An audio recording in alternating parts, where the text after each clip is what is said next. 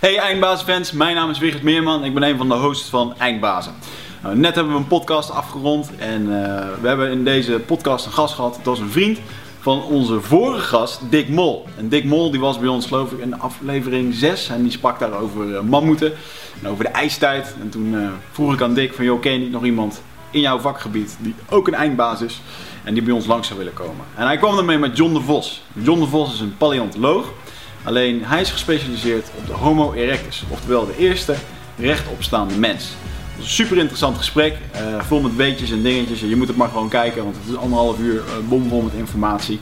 En van iemand die echt de passie heeft om ja, wederom met een bijteltje lijm en een kwastje ergens toe te gaan en een beest volledig uit te graven. Ik vond het fascinerend en hartstikke leuk. Um, nog even een kleine pitch voor onze uh, sponsoren. We willen graag nogmaals benadrukken dat als je via Nutrofit voortaan je supplementen koopt, dan zit daar een money back guarantee bij. Wat betekent dat? Dat betekent dat je gewoon bij ons eiwitten kan bestellen. Uh, die sturen we naar je toe en je mag ze vervolgens gewoon proeven. En vind je het helemaal niks, dan mag je ze gewoon terugsturen en dan krijg je geld terug. En dat geldt voor al onze producten, voor al onze merken die we verkopen. Uh, daarnaast natuurlijk nog easier. Uh, we willen jullie graag vragen om wat te posten. Als je bijvoorbeeld een keertje zit te luisteren met je, met je, met je uh, iPhone of op je laptop. maak even een selfie of een, of een, een, foto met hashtag eindbazen. Plaats die op social media. En dan zorgt onze sponsor Easier ervoor dat dat bij ons op de website terechtkomt. Um, tot zover eventjes onze reclameboodschappen. Ik wens jullie veel plezier met deze podcast waarin we way back in time gaan. En we zien jullie bij de volgende. Deze podcast wordt gesponsord door Nutrofit, leverancier voor supplementen en trainingsmaterialen die je helpen bij het verkrijgen van Total Human Optimization. Tevens wordt deze podcast mogelijk gemaakt door Easier. Toon social media content over jouw merk op displays en websites.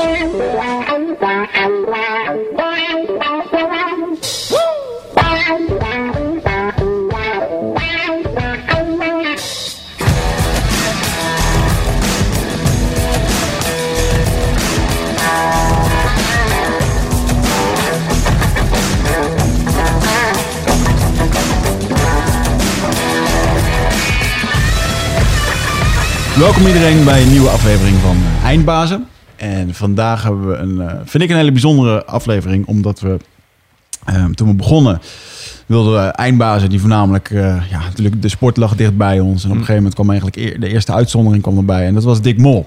En Dick Mol heeft het toen over de mammoet gehad. Vonden wij hartstikke interessant, want uh, ik vind het grappig om te, te weten hoe dat het hier allemaal ontstaan is. En uh, ja, dat geldt natuurlijk voor mammoeten, maar ook voor de mens. En ja, als je dan beseft dat uh, op een gegeven moment uh, maar 10.000 mensen op deze aarde rondliepen. En dat er vandaag de dag 10.000 mensen per uur worden geboren. Hebben we daar best wel een behoorlijke sprong in gemaakt. En uh, toen heb ik Dick Mol eens een keer gecontact om te kijken van... joh, heb jij niet nog interessante vrienden die hier eens een keertje kunnen aanschuiven? En daarmee kwam hij met paleontoloog John de Vos. En welkom. Um, jij bent een specialist in de uh, zogenaamde Homo erectus, oftewel de eerste rechtopstaande mens. Ja. En uh, ja, eigenlijk ga ik jou gewoon uh, dezelfde vragen stellen die ik Dick Mol stelde. want hoe ben je hierin terechtgekomen? en dan even vanaf het begin. Wanneer werd jij geïnteresseerd door versteende fossielen en alles wat erbij hoort? eerst even, dat zijn een aantal vragen bij elkaar. Hè? Dus eerst even, hoe ben ik hier terechtgekomen? ik heb biologie gestudeerd. En ik vond uh, de evolutie al een heel mooi iets om daar wat meer van te weten. Dan heb ik eerst uh, microbiologie gedaan. Um, om op celniveau of op uh, of virusniveau daar wat van te weten. En dan moest ik bacteriën kweken. En dan had je van die mooie petrischalen. Mm -hmm. En uh, dat gaat dan met pipetjes en dan één druppeltje. Dan zit dan één zo'n bacterie in. Ja, heeft er ook zo'n mooie witte lapjas aan? Ja, ook, ja, precies. En ik geef, moet onmiddellijk zeggen dat ik fantastische kolonies had, hmm. maar nooit de goede. Dus ik was er eigenlijk niet zo geschikt voor. Uh, toen heb ik het op een wat hoger niveau gedaan. Uh, de, um, de, genetica van uh, de fruitvlieg natuurlijk. Daar heb ik wat mee zitten rommelen. Okay. En toen op, op chromosoomniveau. Toen wou ik nog een stap hoger. En dat is natuurlijk evolutie. Dat gaat over uh, uitgestorven dieren. Ja. Nou, toen ben ik me daarin uh, gaan verdiepen. Daar heb ik een onderwerp in gedaan. En um, daar um, heb ik me bezig gehouden met uh, eh, endemische eilandhertjes. eh, vreemde beestjes.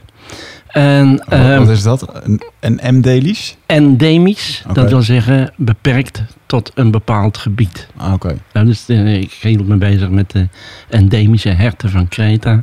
Ah, oké. Dus uitgestorven eh, hertjes die alleen maar op Kreta. Hoe kom je om dat soort ideeën, om dat soort dingen te onderzoeken? Is dat iets wat dan gewoon... Nou, dat had mijn mentor, Paul Sondaar, had, eh, dat, die was daarmee bezig. En die, ja, die vroeg aan mij, op een gegeven moment ga je mee naar eh, Kreta om op te graven doen. En ehm, nou, dat leek me wel wat. Hmm. Want toen hoefde ik niet meer heel schoon te werken. Ja, je gaat dan in een grot zitten, lekker met zand en eh, schepjes spelen en graaft dan allerlei dingen op. Ja. Zo voelt dat Eh. ook echt als je veldwerk doet. Eh, een beetje wel, ja. Ja? Ja, een beetje wel. Klinkt wel leuker. Het is ook leuk. Ja. Ja, wat wil je nog meer? Ergens, eh, ik begon in, op Kreta, Ja. in een grot aan de noordkust. En eh, vlak aan zee. Dus als je een beetje vuil was, dan nam je een duik. Ja, natuurlijk een schitterende omgeving. Ideaal. Ja. Hoe, hoe wordt zo'n locatie trouwens gevonden, vraag ik me wel eens af. Want eh, ergens is er dus iemand geweest die heeft iets gevonden daar. En toen vervolgens is dat jullie te oor gekomen. En dan besluit je iets van een opgraving te gaan doen.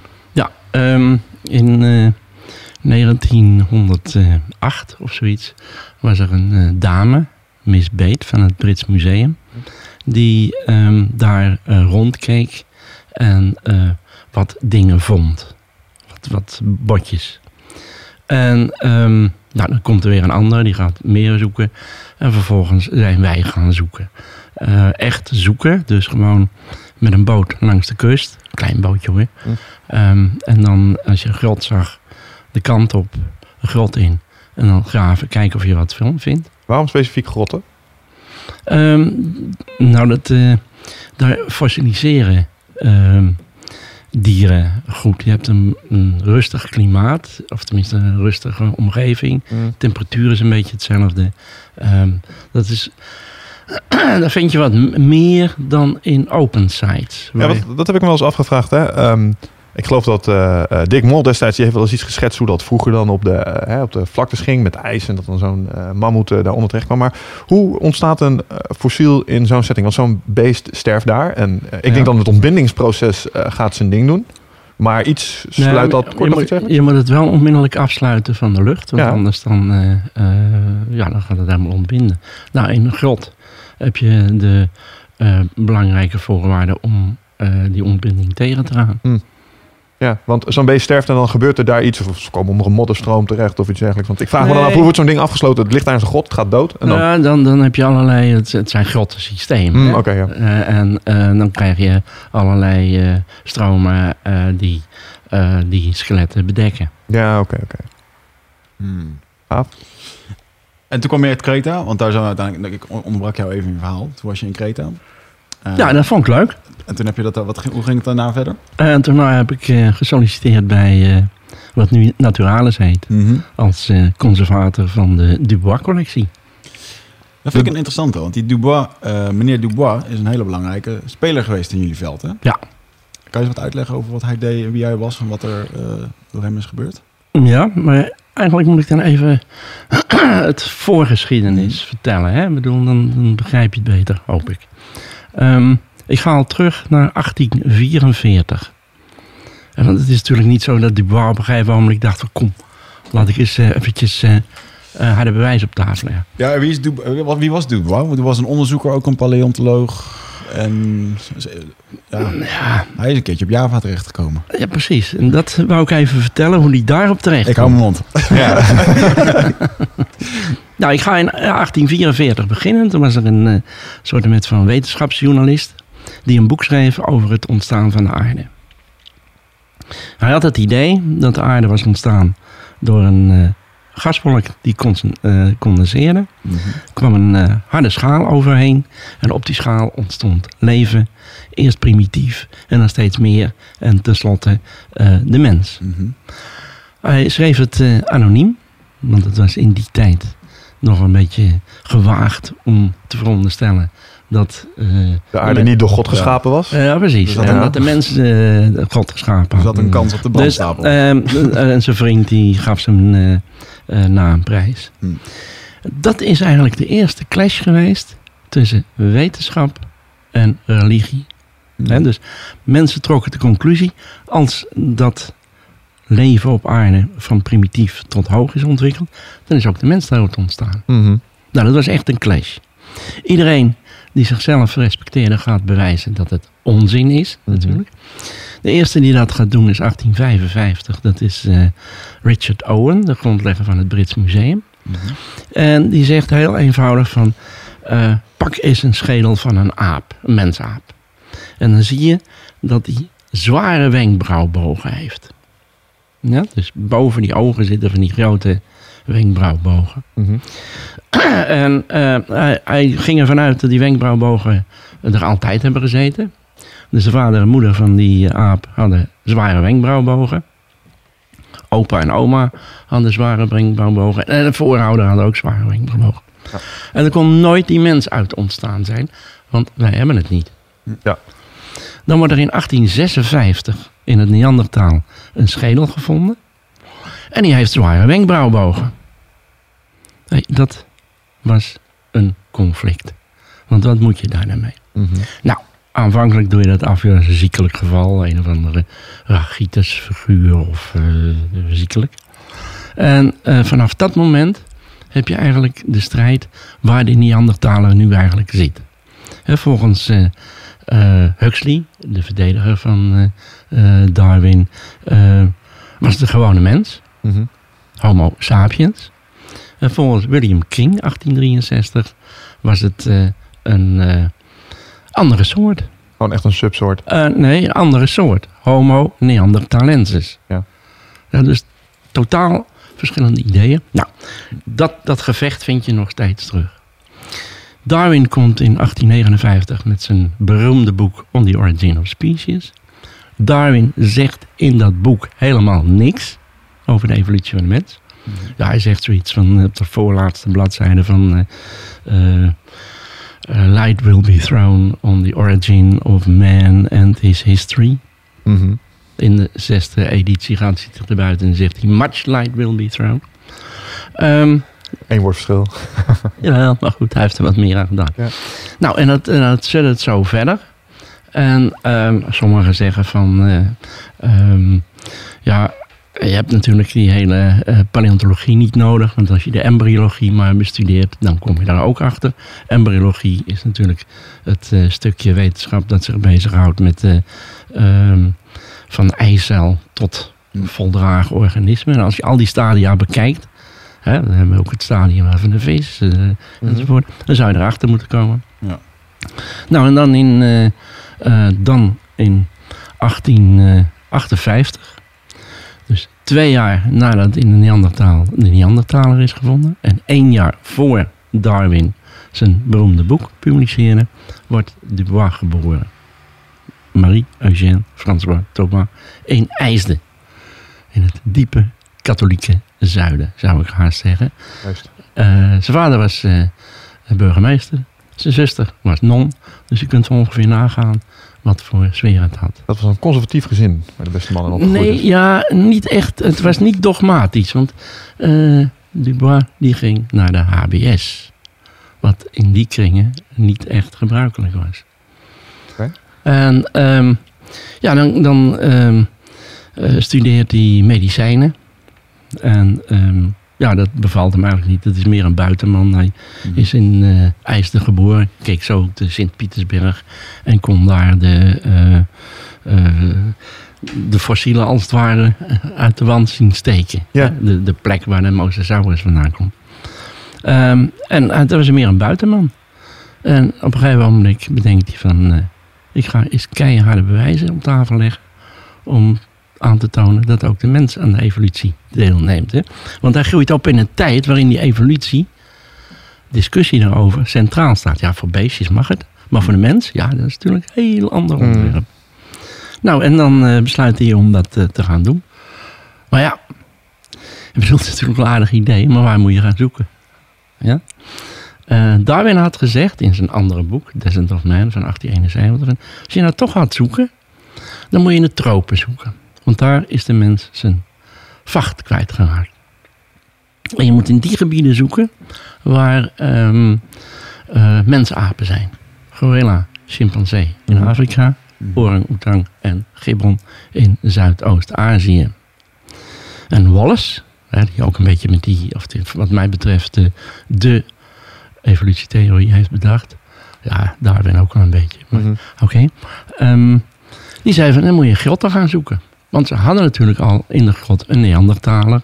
En ze hadden nog wat dingen gevonden in grotten. Dus eh, de holbewoner. Dus als je die voorouder wil hebben, dan moet je een grotten gaan zoeken. Ja. Nou, eh, die buddy maakt een mooi plan. Ehm, een, eh, tegenwoordig zou je dat noemen een proposal. En dat stuurt hij op naar het ministerie. Nou, die lachen nu nog om dat rare idee natuurlijk. Die man had, ja, bedoel, we hebben het over 1887. Dat is natuurlijk een waanzinnig idee. En eh, Afrika was eh, voor de Nederlanders eh, niet zo toegankelijk. Maar we hadden toen nog onze koloniën. En Indië. En daar kon je naartoe. En hij tekende als officier van gezondheid bij het Koninklijk Nederlands Indisch Leger. En in 1887 eh, vertrekt hij met een boot naar Indonesië. En komt dan op Sumatra terecht. En daar gaat hij zoeken. Maar even dat ik zijn verhaal goed begrijp. Eh, in eerste instantie zijn proposal werd afgewezen. Ja. Dus om daar omheen te gaan, denk ik, oké, dan ga ik maar het leger in. Ja. En dan teken ik me daarin en dan kom ik daar tenminste terecht. Ja. Ondernemend mannetje. Ja, dat is. moet je je voorstellen, hij was een jaar of 27, net getrouwd en een klein kind. En dan ga je. eh, Ja, en zeker in die dagen waar dat toch ook wel een bepaald sociaal, op, op een sociale manier naar gekeken werd. En waar het er veel meer toe deed dat je wel goedkeuring kreeg van je omgeving met de dingen die je deed. ja, precies. En zeker in de omgeving waarin hij zat. Ja. Dat is natuurlijk afwijkend van alles wat je maar kunt eh, voorstellen. Mhm. Hoe moet ik me trouwens voorstellen als je dan eh, op zo'n eh, positie werd gezet? Nam je vrouw en kinderen dan mee of bleven die achter? Nee, nee, nam je mee. Die nam je mee. Ja, oké, dat is wel. Dat is ook Ja. niet zonder risico's natuurlijk. Hoe lang is de bootrit? Is dat eh, drie maanden op een boot of zo? Ja, Ik weet het niet. Het Suezkanaal was net geopend, dus het was iets korter. Nog steeds te lang. Ja. Ja. Ik kan me Nou, niet even vliegen. nou, Fysiek nou, ook. ik vind vliegen al te ver. Nou, ik wou net zeggen, want ik heb het net gevlogen. Mm. Ja, Nou? Dan moet, je, dan moet je even denken dat je drie uur van tevoren op het vliegveld moet zijn. Ja. Flauwekul. Ehm, dan, helemaal mee eens. ja, dat is een schijnveiligheid. Ja, maar goed, eh, die wij betalen. Het is voor onze veiligheid. Eh, en vervolgens moet je twaalf uur vliegen naar eh, Singapore. Mm. Daar moest ik acht uur wachten voor de volgende vlucht. Twee uur naar eh Bandung. Dus ben je wel even onderweg. Ja. Ja. Ja, en dit is dan nog sne- aanzienlijk sneller dan dat het vroeger ging. Dus lang verhaal kort, die mensen die zaten wel even op zo'n boot. En die, Die hadden ongemakken te verduren. Ja, meer dan, eh, nou, het vliegtuig, eh, bedoel, dat is ook vervoer van eh, eh, niks natuurlijk. Bedoel, je, je krijgt eh, 10 vierkante centimeter Ja. en eh, je knieën in je nek. Desondanks durf ik wel te beweren dat zes weken op een boot aanzienlijk ongemakkelijker is. Ja, Dat denk ik ook. Weet ik niet, want ik heb het niet gedaan. dat is waar. Ik Maar, denk dat meneer Du- Dubois heeft lopen balen op die boot af. Hij had liever een vliegtuig gehad, denk ik. Dat denk ik ook. maar toen kwam die aan eh, in eh, Indië, neem ik aan. Hij is Ja. naar Indië gegaan. Ja. En ik kwam die aan op eh, Sumatra. En werd daar gelegerd in de Padang, de Padangse bovenlanden. En daar heb je prachtige grotten. Dus eh zijn vrije tijd eh, besteedt hij meteen zondag om eh, in die grotten te gaan eh, zoeken. En eh, hij vindt een hele hoop dingen. Alleen wat hij vindt, dat zijn allemaal fossielen van beesten die heden ten dagen nog rondlopen. Dus eigenlijk is de missie mislukt. Want bij die recente beesten kan geen voorouder zitten. hij weet in ieder geval zijn collega zover te krijgen dat hij zijn dienst overneemt. En steekt al zijn tijd in het zoeken naar nou, de, de, die fossielen. Maar het, eh, ja, het was jammer. En dan krijgt hij, eh, terwijl hij op Sumatra zit, een eh, schedel toegestuurd van Java. Een mensenschedel. Mhm. Hij ziet onmiddellijk dat het gewoon van onze ras is. Van ons, homo sapiens. Ja, want had inmiddels al enige beruchtheid in die contraien dat hij daarna op zoek was. Want anders krijg je niet zomaar willekeurige schedels opgestuurd. Nee, hij had, eh, hij had natuurlijk aardig gecorrespondeerd. En, eh, Ja, en op een gegeven ogenblik is hij eh, ontlast van dienstplicht. En werd zijn taak het zoeken naar fossielen. Hij had ook een listig artikeltje geschreven over de wenselijkheid om paleontologie in onze koloniën te gaan doen. Ah. Want, zei hij, kijk eens, die eh, Fransen hebben al wat. De Duitsers hebben natuurlijk Neandertalen. Ja. De Engelsen zijn in de Siwaliks bezig. En als wij daar niet snel eh, aan mee gaan doen, dan lopen we achter. Ja. Nou, en zijn superieuren trappen daarin. Ja. En hij wordt vrijgesteld voor militaire dienst. Slimme jongen. En aan het eind zegt hij nog wel van als je toch aan het zoeken bent, dan eh, vind je misschien nog wel een eh, overgangsvorm. Nou, dus gaat hij, eh, terwijl hij, of dan gaat hij onmiddellijk naar Java toe, naar die plek waar die eh, schedel gevonden is. Mhm. Daar gaat hij graven, hij vindt daar nog wat dingetjes. Dat is allemaal recent, Mhm. dus daar heeft hij niks aan. En dan gaat hij iets doen wat nog nooit iemand voor hem gedaan heeft. Hij gaat gewoon op zoek langs de oevers van de rivieren. Ja, want als die eh, ehm, lagen ehm, in de wand van de rivier zitten, dan worden ze zo nu en dan schoongeveegd. En Ja. dan komen die fossielen komen naar buiten. Ja. Nou, en een van die plekken die, eh, die aangewezen werd, hè, dat was het slagveld van de reuzen. want Er zitten allemaal van die grote botten in, van olifanten. Nou, dat was allemaal fossiel. Toen dacht hij van, nou, hier moet ik gaan zoeken. Hm. En dat deed hij ook. Bij het dorpje 3-0. Ik ben er onlangs nog geweest. Dus eh, ook bij die andere plek. Wat een soort mekka van paleontologen is geworden. Nee, dat was, toch meer, weer niet? het was meer die, die plek met die eh, mensenschedel. Die Hm. eh, was verloren gegaan. Of tenminste, men wist niet meer waar het was. En ik had foto's van Dubois van 1894. En ehm, nou, toen, toen was een hele, het een hele bergketen. Ik denk van, nou, dat kunnen ze nooit helemaal weggehaald hebben. En zijn we naartoe gereden en met de foto in de hand kon precies zien. Van, oh, daar, daar, daar, Oh. daar zijn die plekken. En eh, nou, toen zijn we er weer naartoe gegaan. En eh, nou, misschien gaan ze er weer graven. Dus je hebt de originele plekken weten Ik heb de terug te vinden. originele plekken teruggevonden. Dat is wel cool. Dat is een beetje Ja. zoeken naar Noah's ark. Een echte Ja, expeditie. En dit is wat je de laatste keer hebt gedaan toen je daar was. Ehm, daar ben ik eh, met een eh, Japans eh, Indonesisch team naartoe geweest. Want ik had hem al een keer gevonden. Hm. Maar zij eh, hadden weer een verkeerde plek aangewezen. Dus moest ik weer terug om de goede plek aan te wijzen. En er is belangstelling voor. En misschien gaan ze er graven. Hmm. Af. Hoe, erg, eh, hoe groot is die impact geweest van die meneer Douau? Want die heeft daar toen zijn onderzoek gedaan en die kwam toen bij die schedel. En, eh, want dat heeft heel veel betekend voor jullie eh, branche, moet ik zeggen. branche. Ja, het was, het was de eerste die ehm, ehm, bewees dat, tussen aanhalingstekens, dat Darwin gelijk had. Hij was erg blij met die botjes. Wat, wat, vond hij nou eigenlijk? Dat moeten we eerst even over hebben. En, eh, hij begint in eh, ehm, 90 en ehm, in, een, of in 91 en dan vindt in augustus een kies. Waarvan hij dacht van, oh, dat is van een aap. En een aap heette in die tijd Anthropopithecus. Anthropos is mens, Pithecus is aap. Hmm. Dus een mensaap. Omdat de Engelsen in de Siwaliks, de voetheuvels van de Himalaya, ook al zoiets hadden gevonden. En, ehm, nou, dat is een aap. En dan vindt hij een schedelkapje. met zware wenkbrauwbogen. Maar wat hersengrootte betreft, tussen de mensapen en de mens in staat. Hm. Hè, de mens 1500 kubieke centimeter. eh, de mensapen 500 kubieke centimeter. En hij had iets van 1000 kubieke centimeter. Is dat niet heel erg moeilijk? Is dat niet makkelijk om gewoon te denken van nou, dat is gewoon een uit de kluiten gewassen, uit de kluiten gewassen aap of een... Dat eh, zit ik me dus net te bedenken. Hoe mens. moeilijk moet het zijn om daar... in die- als je daar maanden aan het graven bent en je vindt een kies. En je vindt een keer een kapje. En dan toch doorgaan. Omdat je het gevoel hebt dat je op het juiste spoor zit, zeg maar. Ja, dat is, maar dat is een, eh, een bezetenheid, Ja. een passie. mm. Ja. Ik bedoel, het hele verhaal is natuurlijk een jongensboek. Hè? Ik bedoel, iemand die het idee heeft van... eh, ik ga die overblijfselen vinden. Dan zijn carrière in eh, Amsterdam opgeeft. Mhm. Ja. Hè? En eh, als medicijnman. En dan naar Indonesië gaat. En daar ergens in middle of nowhere... Met vrouw en kind. Met vrouw en kind. Ja. Oh. Maar goed, een jaar later dus vindt hij een dijbeen. Waar je kunt zien dat het individu waar het toebehoorde rechtop heeft gelopen. Dat is echt menselijk. Hm. Dus wat heeft hij nou? Een kies. Een schedelkapje. Dat tussen de mensen en de mensaap in Mhm. En een dijbeen dat er menselijk uitziet.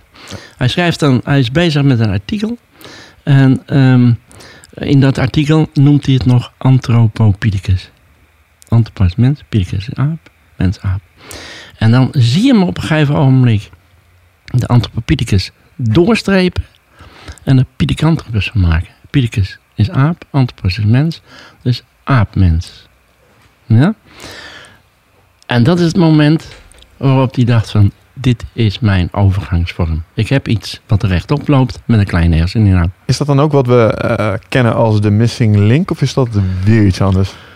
Zij hebben het wel eens over de missing Ja. link. Is dit dan wat hij daar vond? Dit is, dit is een overgangsvorm en dat zou je de missing link kunnen noemen. Maar als zodra je de missing link hebt, is het geen missing link meer. Ja, dat is waar.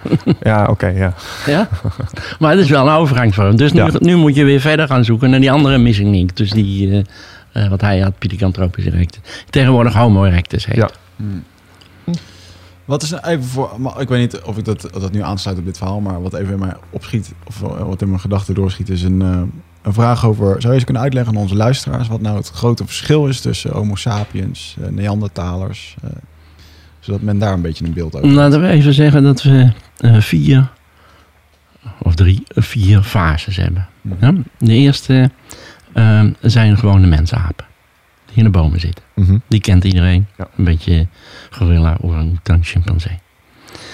Dan krijg je wat ik noem de rechtoplopende apen.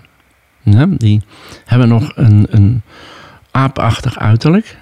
Maar aan de schedel kun je zien dat ze rechtop hebben gelopen. Omdat het achterhoofdschat recht onder de schedel zit. Ja. Dus die Ik zat schedel, me net af te vragen, hoe weet je in godsnaam op basis van een schedel? Maar dit is het antwoord. ja, dus de, ja, rechtop heeft gestaan. Ja. Dus hij heeft er rechtop gelopen. Misschien nog niet helemaal van maar. Dat zijn de Australopithecinae. Hmm. Dan de volgende fase is dan die Homo erectus eigenlijk. Dus die rechtoplopende eh, mensachtige met een kleine herseninhoud. Mhm. En dan krijg je die Homo sapiens zoals eh, wij er zijn. En zitten daar enige... ehm, hebben we een beeld over wat de tijdframe daartussen is? Hoe lang heeft het nodig Dat dat een is, aap eh, rechtop gaat lopen? Ehm, dat is afhankelijk van eh, de fondsen natuurlijk. Maar we hebben het over een tijdsbestek waarin dit allemaal gebeurde van zo'n, ehm, laten we zeggen, eh 7 miljoen tot eh, heden. Dus die eerste vormen, eh, die eh rechtoplopende 7 apen. miljoen jaar geleden. Wow. Echt lang. Wat liep er toen rond op deze aarde? Ja, dus dat is de ijstijdtijd of niet? Nee, Daarvoor ja, volgens mij. tijd is de laatste 2 miljoen jaar. Wat Oh, liep er rond? Eh, een hele hoop... eh, Dus we hebben aap, mensapen, aapmensen hebben er bijna 5 miljoen jaar over deze planeet heen gestruind. Toen kwam de eerste ijstijd. ja, Waar was dit trouwens? Waar gebeurde dit 7 miljoen jaar geleden? eh, dat is allemaal in Afrika. Wat is daar de reden van? Want wij hebben het wel eens gehad over de eh, Time of Eden, zeiden we, noemen we dat zo? Toen de zuurstof wat hoger was eh, gemiddeld. Nee, maar dat was in die periode niet. Nee, dat nee, is, nee. Dat is, Maar wat was de is oorzaak- Eerder. Ik bedoel, dan zitten we in het Mesozoïcum of zoiets. Maar is er niet een tijd geweest, eh, want waarom is het in Afrika eigenlijk, eh, want Dick had het dan ook over, dat de mammoet ook richting die, uit die richting zou moeten komen. Mhm. wat, is, wat is daar de reden van? Was het klimaat daar gewoon gunstig? Of? Eh, onder andere, maar ik bedoel, er zijn eh, omstandigheden waarin dat kon gebeuren. Mhm. Nou, dus die eh, verwijdering of de verandering van het eh, klimaat, waardoor de bossen vervangen werden. Ja. En je had daar natuurlijk al mensapen die op een gegeven moment, als je die bossen verwijdert, eh, aanpassen of uitsterven. Dus die Ja. moeten iets doen om verder te kunnen. Ja. Dus, He- Hebben wij enig idee wat ervoor gezorgd heeft dat, dat wij uiteindelijk recht overeind zijn gaan lopen? Want dat heeft natuurlijk wel een boel dingen voor ons betekend. Ja, mm, wat mij betreft ehm, ik vergelijk die evolutie van de mens, en dan ga ik hele rare dingen zeggen, met de evolutie van het paard. Ja? Ja. Als je kijkt naar beesten die in het bos leven, dan hebben die nog allemaal kromme pootjes. Ja, en kunnen nog hoeken slaan om bomen heen. Ik bedoel, denk even aan een tapier.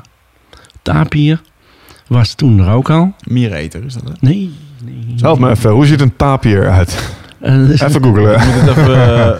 eh, Zo'n beestje met een slurfje. eh, Ja, toch wel, hè? Vandaar dat je zegt mieren eten. Ja, dat was niet heel gek. maar, dat is het niet. Google even en leg even uit. Maak er een mooie beschrijving Ja. van. Wat is het? Ja, nou, dit is een beschrijving die... Oké, de tegenwoordige tapies zijn planteneters die met een korte slurf behendig bladeren en twijgen van bomen en struiken kunnen rissen. Alleen in de voortplantingstijd, eh, uiteraard, zoeken tapiers contact met soortgenoten. In gevangenschap kunnen ze zonder problemen met meerdere dieren bij elkaar gehouden worden, maar van sociaal gedrag is geen sprake. Jonge tapiers zijn gestreept, op latere leeftijd kleuren ze donkerbruin, waarbij ze de Waarbij de Indische soort een witte achterkant krijgt. Ja.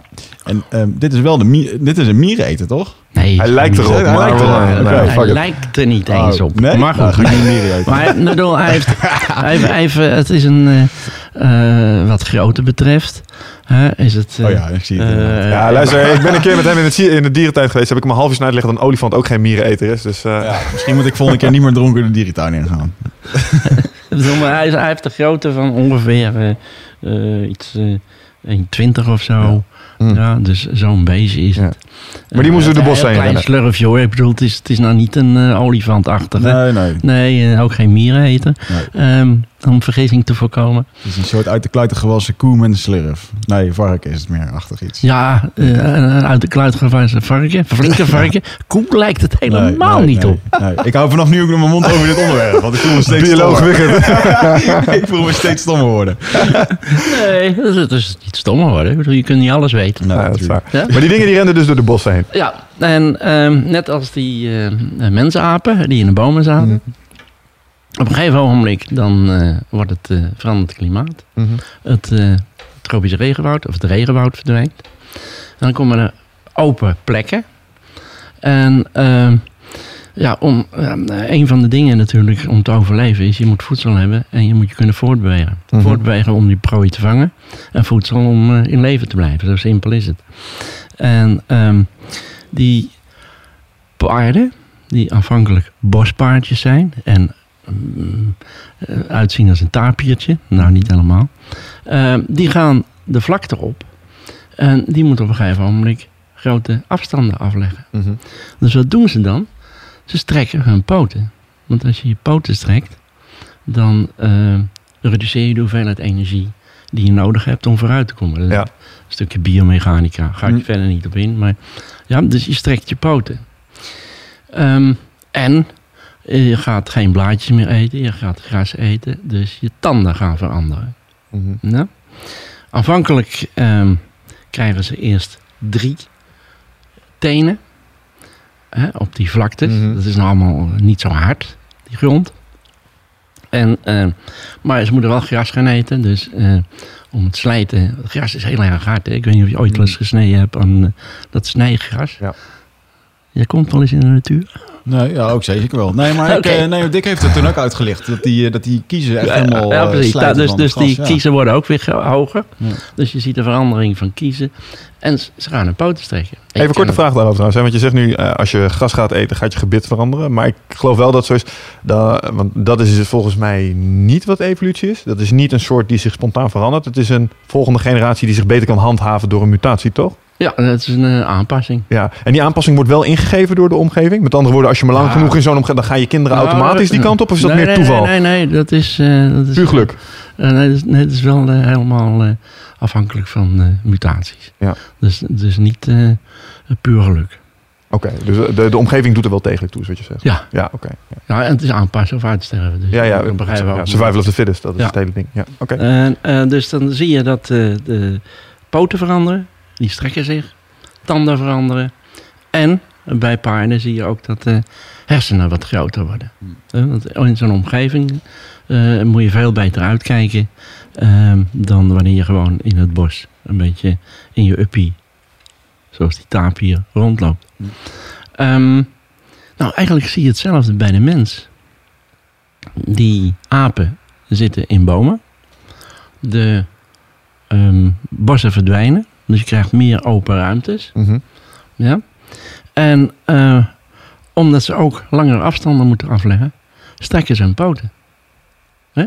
Bij die paarden heb je het niet meteen eh 100%, want ze hebben eerst drie tenen. En bij die mensachten heb je dat ook niet Mhm. meteen. Ja. En die strekken hun poten. Alleen bij die mensapen, dat zijn van die knuckle walkers die eh, op hun Ja. knuckles steunen. En de voortbeweging zit natuurlijk in de achterpoten. En de, voor, en de voorpoten, ja, daar steun je een beetje, Beetje, mee. ja, ja, ja, dus, ja. dus niet, dus als ze wat strekken, is het enige wat ze kunnen strekken, zijn die achterpoten. Ja. Hmm. En dan komen ze overeind. En dan zie je op een gegeven ogenblik eh, ook dat de hersenen toenemen, de tanden veranderen. Ja, de hoek, grote hoektanden, die verdwijnen. Ja. Want eh, eh, je moet eh, een beetje kunnen kauwen. En een mensaap kan deze beweging niet maken, omdat tanden in de weg zitten. Oké. En, ehm of die hoektanden in de weg zitten. Mhm. En eh, wij kunnen nu eh, heen en weer en Ja. hebben wat meer. Ja, daar sta je niet vaak bij stil, maar dat is Voor de waar. luisteraars, je kan niet met je kaak van links naar rechts. Of tenminste, wij kunnen dat zo. eh, kunnen wij dat? Ja, Ja, ik probeer het net. Dankjewel evolutie, wij Ja. kunnen het. Wij kunnen dit, maar Brille kan het niet vanwege kunnen tanden. Van die, wegen, die grote hoektanden. Dus, Dus, ik wil dat dus- iedere luisteraar nu even probeert om zijn onderkaak naar links en rechts te doen. Dan weet ik dat jullie eh ja, allemaal net zo stom voelen als ik. Hey, wat zorgt ervoor dat eh, op het moment dat je overeind gaat lopen, dat je hersencapaciteit kan toenemen? Ehm, eh, nou, aanvankelijk heb je meer, zoals de paarden ook, meer. moet je de omgeving veel beter in hand Ah. houden. En, en eh, over het algemeen worden het wat grotere groepen en socialer. Dus dan zie je dat die hersenen wat toenemen. Met andere woorden, eigenlijk is het, er wordt gewoon meer functie gevraagd. Ja. En daarom neemt het toe in omvang. Daarom neemt het toe. Oké. Ja. De laatste kaarten zijn beschikbaar voor het Ride of Passage Retreat op 24, 25 en 26 mei. Ben jij erbij? Het is een volgende stap in je persoonlijke groei. Eh, een weekend waarbij de belofte is dat het een tikkeltje oncomfortabel gaat worden. Maar ja, daar ligt natuurlijk wel gewoon de groei om meer helderheid te krijgen in je leven. Om uit je hoofd te komen, in het lichaam. ehm, achter te laten wat je niet meer dient. En om echt de volgende stap te maken door de oude patronen te doorbreken, te doorzien, te doorvoelen en, en te helen. En daarvoor wil ik je heel graag uitnodigen. Eh, en ik hoop dat jij een van die laatste bent die nog aansluit bij het Ride of Passage Retreat. Ga naar wichertmeerman.nl, klik op Retreat en ik zie je daar. Is er, is er ook nog iets eh, herkenbaars? Ik, ik heb wel eens een keer een theorie gelezen. Ik weet niet waar ik het heb gelezen of van wie het was. Ehm, maar dat op een gegeven moment ehm, de, een van de redenen waarom we rechtop zijn gelopen zou zijn omdat eh, de zon continu op je rug schijnt. En dat dat ook veel energie kost. En op het moment dat je rechtop gaat lopen, dat dat minder zou zijn. Ja, dat is een van de eh, theorieën, de thermoregulatie. Je hebt eh, een hele hoop theorieën. Eh, ehm, eh, over het gras kijken, plukken, werktuigen. Ik geloof dat ik, ik heb er eens een keer geïnventariseerd. Ik geloof dat ik een stuk of 15 had. Het eh, probleem daarmee is dat die eh, allemaal een beetje antropocentrisch zijn. En wat houdt? Wij, naar de mens toegerekend. Oké. Ja? Dus wij zijn rechtop gaan lopen om bessen te kunnen plukken. Alsof we de keuze hadden. Ja, Ja. zo werkt het niet. Daarom probeer ik het een biologisch model en ik vergelijk het met die paarden. Ja. Ja. Ja, en dan... eh, ook wel mensen eigen om het zich allemaal zelf toe het te rekenen allemaal- natuurlijk. Ja. Maar het is allemaal, het is allemaal zo, wat je noemt antropocentrisch. Het is eigenlijk een soort van gedwongen. Je wordt gedwongen om het op een gegeven moment zo te doen. Ja. En eigenlijk is dat ons geluk geweest, want dat heeft onze handen vrijgemaakt. En toen konden we plots allerlei andere interessante dingen die je daarvoor niet kon. Ja. Ik heb namelijk, eh, ik heb ook eens een, eh, een documentaire gekeken. En een van de dingen die ze daar aan eh, duiden als het grote succes van het menselijke ras, was dat ze op een gegeven moment, mede doordat ze de handen vrij hadden, konden ze hun macht projecteren op afstand. Met andere woorden, ze konden speren gaan gooien, ze konden pijl en boog gaan gebruiken. eh, waardoor Ja, ze precies. makkelijker Dus, eh, konden jagen, maar ook oorlog konden voeren en dat soort dingen. Ja. Het, eh, wat mij betreft eh, ehm, zie je dat eh, bij de mens, de homo sapiens, Mhm. zoals wij zijn, eh, zie je volgens mij pas de volmaakte hand. Hè, die we hier hebben. Volgens mij heeft Homo erectus en die voorgaande nog geen vol- volmaakte hand. Ehm een van de, wij kunnen eh, onze wijsvinger tegen de duim aanhouden. Hè? Dus dat eh, perfect symbool. Hè? Mhm. Dat is perfect. We zijn de enigen die dat kunnen. Ja? Ik zit nou even te denken, apen die hebben toch ook, sommige apen hebben toch ook gewoon handen? Die komen niet verder dan halverwege eh, de Ah. eh, middelvinger. Ja, dus de opposable thumb, zeg maar. Ja. Dat is waar Maar die, maar die hebben die apen. Nee, niet. Nee, nee, die kunnen dat niet. Dit is volgens mij het machtigste wapen wat er is. Want je kunt met dit kun je een knoop aan je jas naaien. Ja. Maar je kunt er ook alles mee maken. Je hebt twee soorten grips. Ehm, de fijngrip, hè, dus waarbij de, eh, de draad door de oog van de naald steekt. Ja, we hebben een hele fijne motoriek eigenlijk, als Ja. je erover nadenkt. En je hebt de krachtgreep, waardoor je een, eh, eh, een blikje kunt verfrommelen. Ja. en we kunnen hier alles mee. We kunnen er raketten mee bouwen. Je kunt eh, die speren gooien. Dus dit is echt een machtig wapen. En Mhm. waarschijnlijk, in mijn idee, ehm, heb je doordat we dit zijn gaan gebruiken, is die hersenen ook eh, zijn een beetje explosief toegenomen. Ja, want Want als je kijkt naar die eh, eh, hersenen, hè, de Mhm. hersenschors, en je kijkt wat gedeelte van de hand inneemt, nou, dat is gigantisch veel. Hm. En ook, ook de Oh. mond, hè? maar goed, we hebben ook een grote mond. Maar, ehm, dus die, die hersenschors, hè, bij die, wat je noemt die, ehm, eh, die tekeningetjes waarbij je op een gegeven moment afgebeeld krijgt van hoeveel van de hersenen ja, ja, bij de hand, eh, dan zie je dat het een enorme handen en mond zijn. Dus die vergen heel veel rekenkracht om in principe aan te sturen. Ja, ik denk het Oh. wel. Logisch. En dan kun je ook, als je dit hebt, kun je ook mooie tekeningen maken in grotten. Mhm. Eh, je kunt eh, eindelijk eens een keer een eh, mooie jas maken. Ja. Ja. Niet zo koud meer. En je kunt er alle omgevingen mee Ja, want bedwingen. Hè? Dus daarmee zeg je eigenlijk dat die, want dat is een beetje eh, ook waar ehm, ik geloof nog wel eens een beetje discussie eh, over is. Met name als je het uit de traditionele hoek bekijkt. Van joh, wij kunnen toch nooit daarvan af zijn. En wij kunnen er niet van afstammen, want wij zijn zoveel intelligenter. En wij hebben nooit iets kunnen vinden wat dat sprongetje qua intelligentie heeft kunnen maken. Of ik heb me in ieder geval altijd afgevraagd hoe het kan zijn dat zoiets, hè, zo'n mens, aap, aap, mens, in één keer zoveel slimmer werd. En jij zegt dat zit hem gewoon in het feit dat ze fijne motoriek begonnen Ja. te gebruiken. Ze, gingen, ze begonnen Ja. functie te vragen van de hersenen, eigenlijk. Ja, ja. En dat, dat zie je ook. Ik bedoel, de, de ehm, betere werktuigen, pijlpunten, Mhm. mooie messen, eh, tekeningen. Ja, dat zie je pas bij die homo sapiens. Ja, wat jij net ook zei, van weer jassen maken en eh, tekeningen maken, dat soort dingen. Wat, wat heeft ervoor gezorgd dat wij, dat we in één keer tekeningen in God zijn gaan maken? Dat we in één keer, eh, dat er een sociaal eh, aspect kwam aan dingen vastleggen. Geen idee. Dat is niet iets waar jullie vakgebied eh, Nee. per se Eh, interesse in nee. Ik kan er wel aardig over eh, Ja, speculeren en discussiëren. Nou ja, misschien idee. heeft het wel wat te maken met wat je daar straks zei over dat we blijkbaar in groepen begonnen te ja, ik, bewegen. ja, het, zal, het, zal een sociaal, eh, het zal een Ja. sociaal-cultureel ding zijn geweest. Ja, Hmm. Want zodra je in groepen gaat bewegen, krijg je iets van een cultuur. Zelfs, eh, zelfs apen hebben cultuur. ja nee, ik bedoel, je krijgt gewoon het eh hiërarchisch systeem en eh, eh, wat bij die apen er ook al in zit. Ja. Eh, nog één vraag in dat kader, eh, als het gaat om, om de menselijke geschiedenis. Ehm, en deze weet ik ook niet precies. Ehm Neandertalers en Homo erectus hebben gelijktijdig geleefd, correct? Ehm, nee. Oké. Die eh, Homo erectus die eh, eh, sterft zo, ja, eh, afhankelijk van wat je bekijkt, zo'n 200.000 jaar geleden uit. En de Neandertaler, de klassieke Neandertaler, Ja. eh, van 100.000 tot 30.000. Hmm. En hoe zit het dan met ons mensen? Want ik heb wel eens begrepen dat Neandertalers en mensen, dit zijn eh, niet hetzelfde. En wij konden nog wel eens een belangrijke reden zijn geweest waarom Neandertalers ter ziele zijn gegaan. Klopt dat? Ehm, nou, ik vind het wel aardig altijd als, eh, als er iets eh, uitgeroeid wordt, dan hebben wij het gedaan. Daar zijn we wel heel goed in over het algemeen. Dat geef ik onmiddellijk toe. Ja. Ik bedoel, eh, het is geen betere machine. Nee, dat is waar. Maar ehm, eh, het zijn natuurlijk eh, hele kleine groepjes geweest. Dus die Neandertaler leefde op die mammoetsteppen eh, waar Dick Moll het over had. Ja. Nou, koud, droog ja, en weinig neerslag. Hadden deze mensen al vuur? Mm, nee. Ja.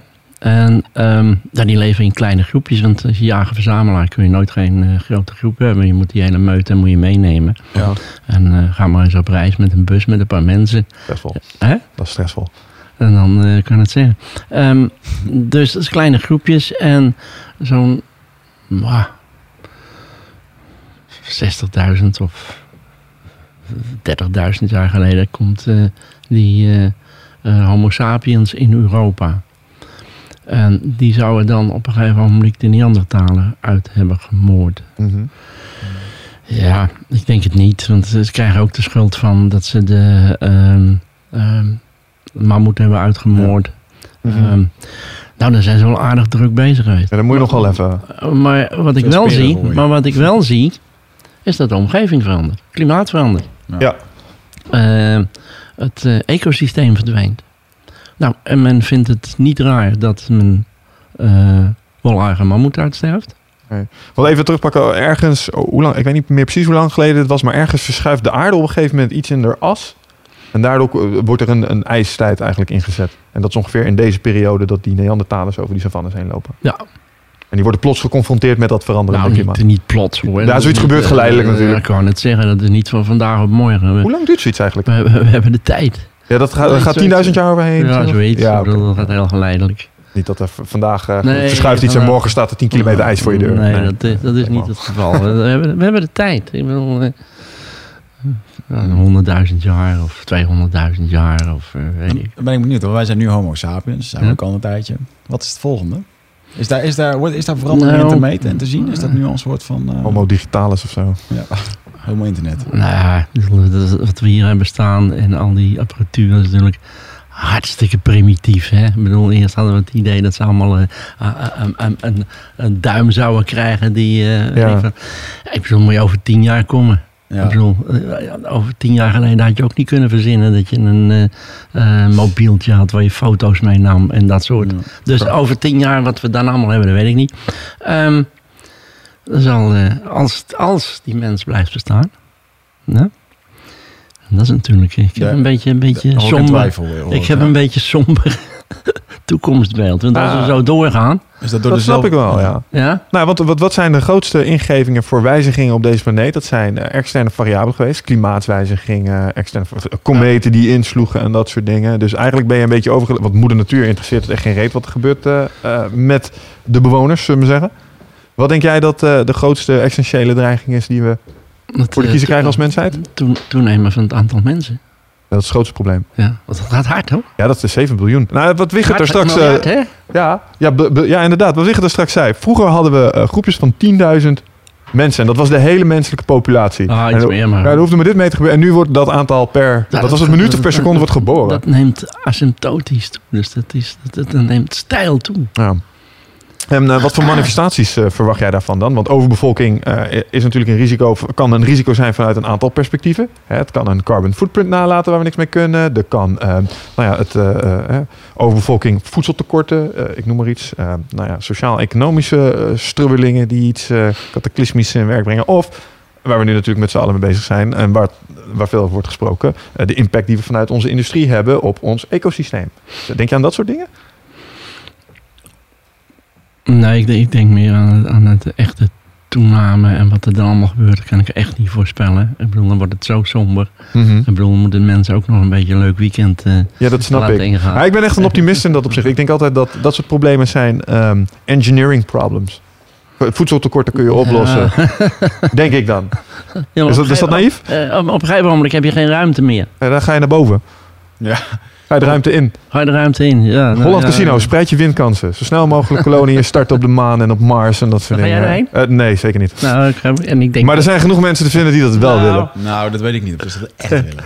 ik denk het ook niet. La- vooral laat de eerste lichting dan maar gaan. Dan gaan we nog een keer Ja, vragen. Ja, ja, ja. ja, nu is het nog spannend en zijn het nog van die ontdekkingsreizigers. Ja. Eh, en die heb je altijd gehad. Ja, maar laten we. Ja, ik wou net zeggen, want er zijn ook mensen die zijn op een houten krakkemikkig schip gestapt. En die zijn eh, de Atlantische Oceaan overgevaren. Ja. in, met als doel: hey, we willen graag weten wat daar is. Want dat is natuurlijk ook wel wat ervoor gezorgd heeft dat wij uiteindelijk in Europa zijn gekomen. En dat soort dingen als mens.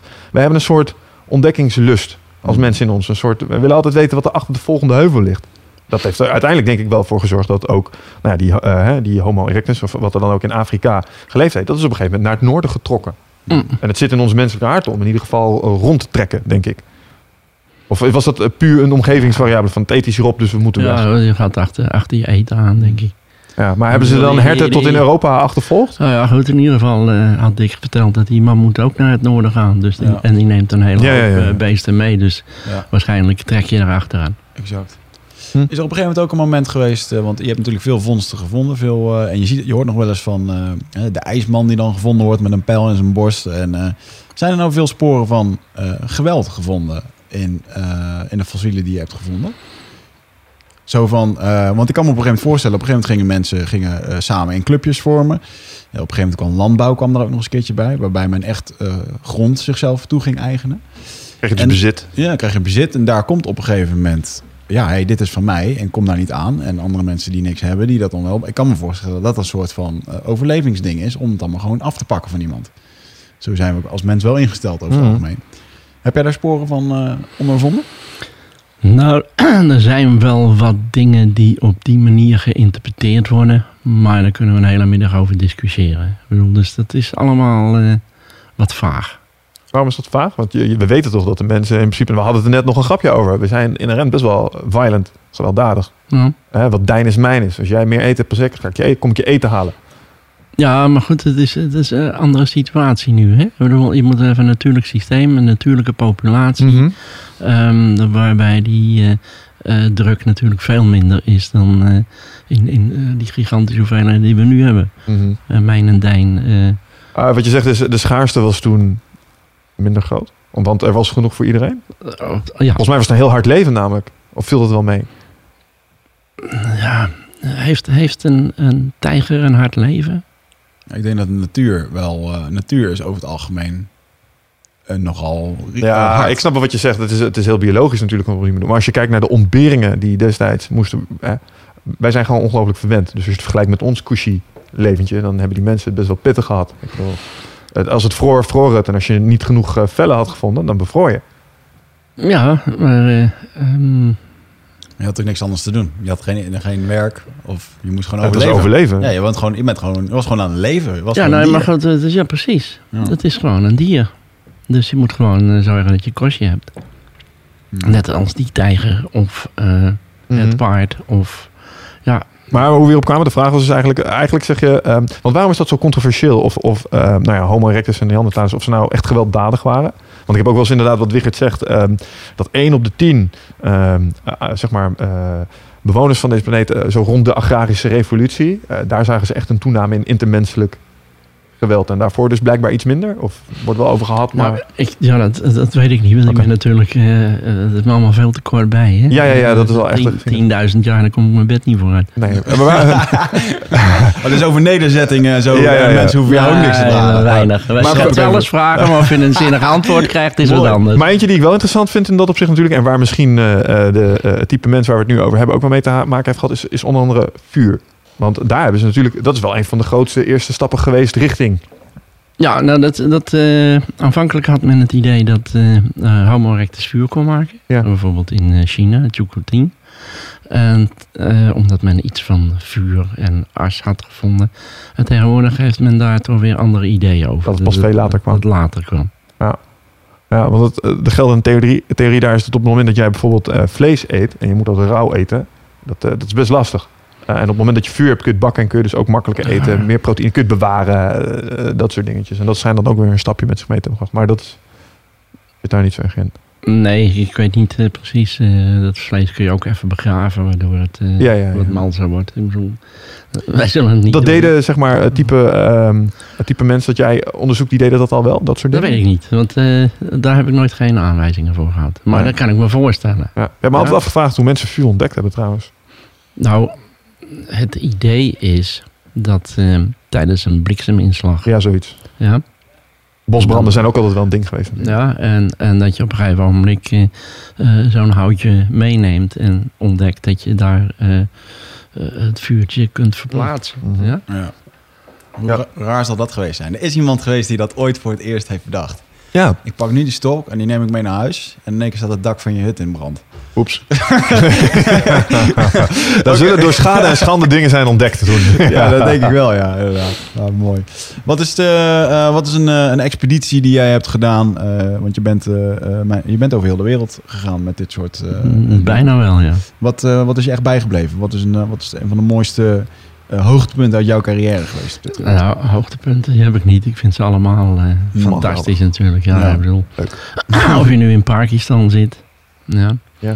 of eh, op Flores, of de Filipijnen, of het eilanden van de Middellandse Zee. Elke omgeving heeft zijn eigen charme, elke Ja. omgeving heeft zijn eigen problematiek en eh, problemen wat de paleontologie betreft. Dus- Wat voor problemen moet je dan aan denken? Overheden die lastig doen, dat soort dingen. Hè? Overheden? Of eh, gewoon Oh, nee, eh, gevaarlijke denk, gebieden? Dat, denk ik niet aan. Eh, gevaarlijke gebieden, daar- dat denk ik eigenlijk niet aan. Dat zijn meer wetenschappelijke problemen waar ik me eh, mee bezig hou. Maar ik ben wel redelijk selectief waar ik heen ga in de wereld momenteel. Dus, Maar maar, daar laat jij je niet door hinderen. Dan kun je nergens meer heen. Nee, dat is wel waar. Ja? Ik bedoel, dan kun je niet eens meer met Thalys naar Parijs. Nee. Nee, ja, daar hadden we het toevallig straks over. Ja, Ja? Klopt, ja. En, nou, en die neem ik ze nu en dan nog wel eens. Dus wat moet ik dan? Eh, Ja, dan houdt het op, zeggen. Ja. Ja, begrijp ik. Oké. Maar even uit jouw eh, van hoogtepunten. Er moeten dingen geweest zijn die, eh, die, waarvan je dacht, zijn er nou echt mooie vondsten geweest? Of hoe werkt dat? Nou, wel met jou op als er ergens een vermoeden was? Of als er echt alvast iets Nou, je hebt een probleem. Ik bedoel, het, eh, ik was dus met eh, Dubois en Java. Mhm.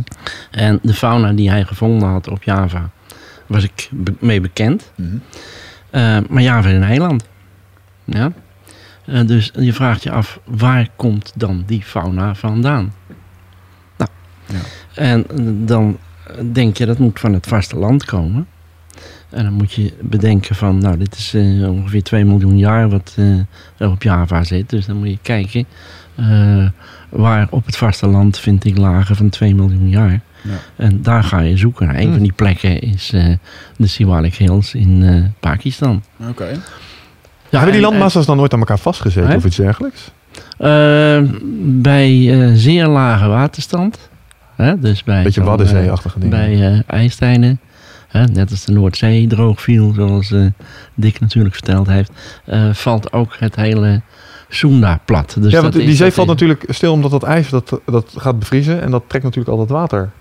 Nee, al is die- dat waarom het... eh, Nee, ik bedoel, de, de neerslag eh, blijft gewoon op die eh, polen liggen. oh, oké. Waardoor het ijs zich uitbreidt.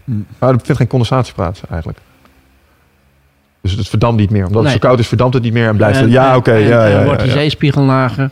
En, En dan kunnen dat soort en soorten dus oversteken. en dan zie je dat het hele Sunda-plat, wat bestaat uit Sumatra, Java, Borneo, Maleisië, dat komt helemaal droog te liggen. Dus dan krijg je een connectie met het eh, Hmm. vasteland. Nou, waar komen ze dan vandaan? Dus dan ga je daar zoeken. Ja? Eh, ik heb me altijd bezig gehouden met eh, eh, dwergvormen op eilanden. Dwergolifantjes van eh, 90 centimeter.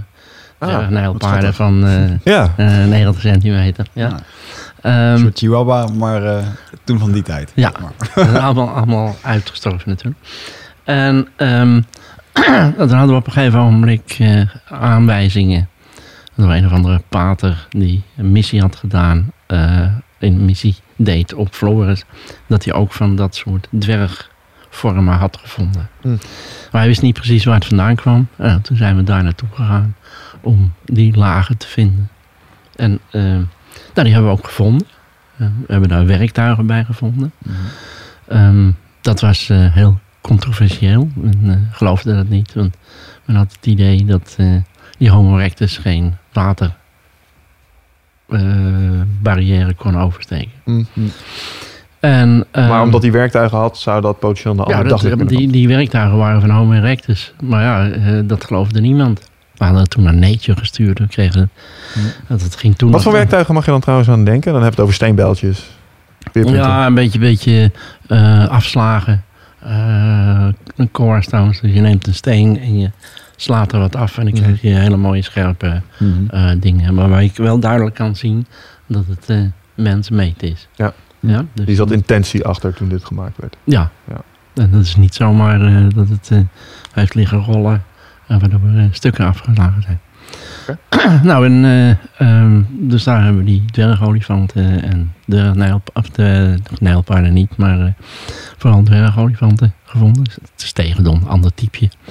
En ehm, later, die werktuigen hadden we gegeven aan Australië, Mike Morwood.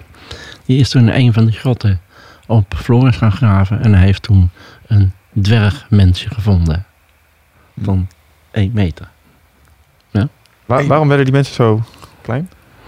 Ehm, dat, Of waarom werden ze niet zo heel groot? Net zoals die olifanten. Wat is dat? Dat, nou, die van die olifanten enzovoort, dat kan ik nog wel, tenminste, dat denk ik te kunnen verklaren. Ehm, op die eilanden eh, heb je wat je noemt eh, ongebalanceerde fauna's.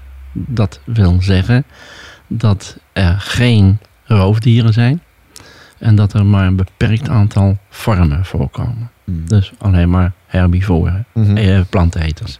Ja. En ehm, dat zijn dan eh, wat, wat eh, op die eilanden van de Middellandse Zee olifantjes, nijlpaardjes en herten.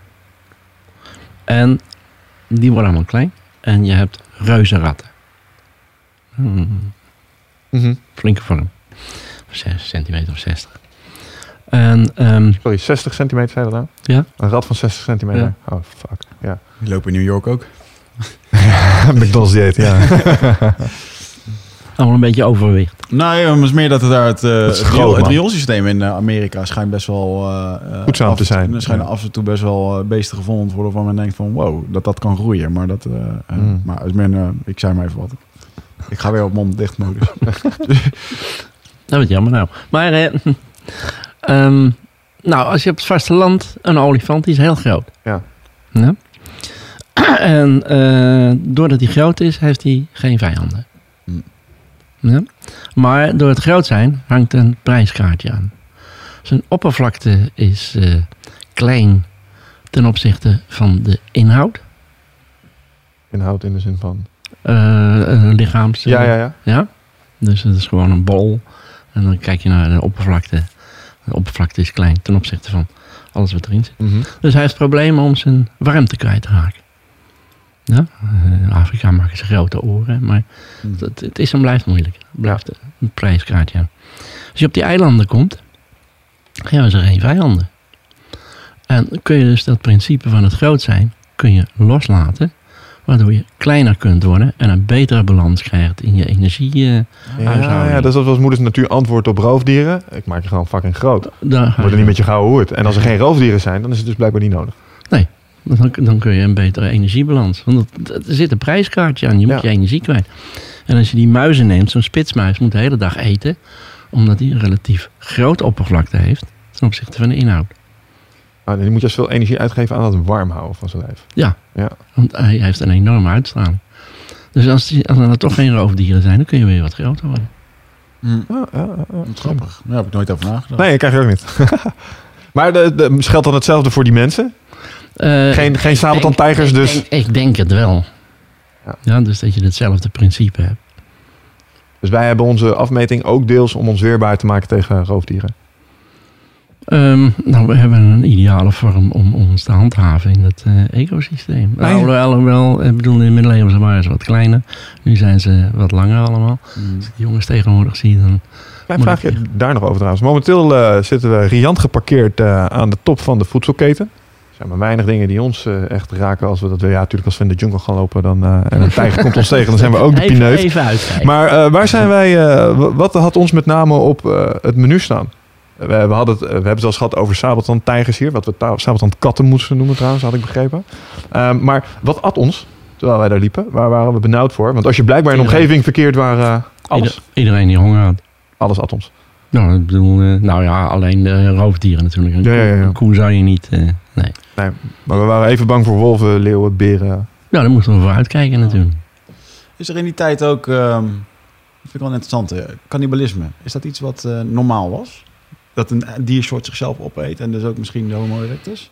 Of ja, dat is moeilijk, moeilijk te traceren natuurlijk. Ja, dat, dat kun je niet. Ik bedoel, waar ik mee te maken heb, dat zijn eh, botjes Ja. en schedelstukjes. En daar zitten nu naar het krasjes op. En die kun je dan interpreteren als zijnde Ja. eh, Maar ja, dat is een... Ik heb wel eens gezegd dat, of gedacht dat mensen de enige waren die aan dat soort gedachten hebben. Maar dat schijnt niet helemaal waar te zijn. Als de honger maar groot genoeg is, dan schijnen ook bijvoorbeeld ijsberen elkaar wel eh Ja? te lijf te gaan. Ja. Hmm. Ja, als de honger maar groot genoeg is. Ja, dat is Of de leven dan natuurlijk. Dus je, eh, daar zijn films over gemaakt. Als je neerstort op een berg en er is geen Ja. eten, dat je elkaar opeet. Nou Ja, dat is dat een keer... Dat Dat is een keer... Dat is, ik wou zeggen... Ja, dat- dat- dat snap ik, ja. Ja, nou ja, dat is... Ja, je moet als je zo hier aan de tafel zit met je koekjes voor je, is Kun je niet dat, voorstellen. Is, is dat een vreemde. Maar als, als het blijkt dat de overleving Hmm. eh, zo groot is dat je daaraan begint. Mm. Maar het is natuurlijk wel zo dat op het moment, oké, we zijn op een gegeven moment gaan veranderen. En dat veranderen, eh, dat heeft inderdaad jaren geduurd. Maar anderzijds denk ik ook dat het best wel snel kan veranderen. Omdat mensen toen gewoonweg niet zo oud werden. Want gemiddeld werd iemand Hoe Ja, oud? 50. oh, 50. Dat is Ja. best wel een leeftijd eigenlijk. En eh, me- me- hoe meten wij dat iemand oud wordt? Dan kan je dat aan zijn, eh, aan zijn dijbeen kan je dat volgens mij meten. Of zijn er verschillende manieren voor om dat... eh, Nou, dat, dat blijft moeilijk om te zeggen hoe oud hij is. Je kunt zeggen hij is volwassen, mhm. Ja. En je kunt zeggen aan het gebit te zien dat hij heel oud is. Maar hoe oud, dat weet Ja. je natuurlijk niet. Ja. Want eh, het gebit is nog steeds een van de kenmerken waarmee we do- door de slijtage van kiezen kan je zou, kun je, zeggen, dan kun je ongeveer een eh, eh, een leeftijdsschatting maken. Hmm, Oké. En ehm, als je kijkt naar eh, de leeftijd van Homo erectus tot nu, eh, want een Homo erectus ging al tot 50 jaar. Ja, zoiets. Maar dat vind ik nog best wel oud voor het, eh, voor het dierenrijk inderdaad. Als je kijkt naar de aantallen, heb je dan een idee hoeveel aantallen dat er zouden kunnen zijn geweest? Mm, geen idee. Je zou dat theoretisch kunnen gaan berekenen. Ja. Maar dan moet je rekening houden met het eh, oppervlakte-ecosysteem. Eh, hoeveel ruimte heeft een groep nodig om in leven te blijven? Hmm. Hoeveel groepen kan ik daar dan neerzetten? Dus, dat heb ik nooit uitgerekend.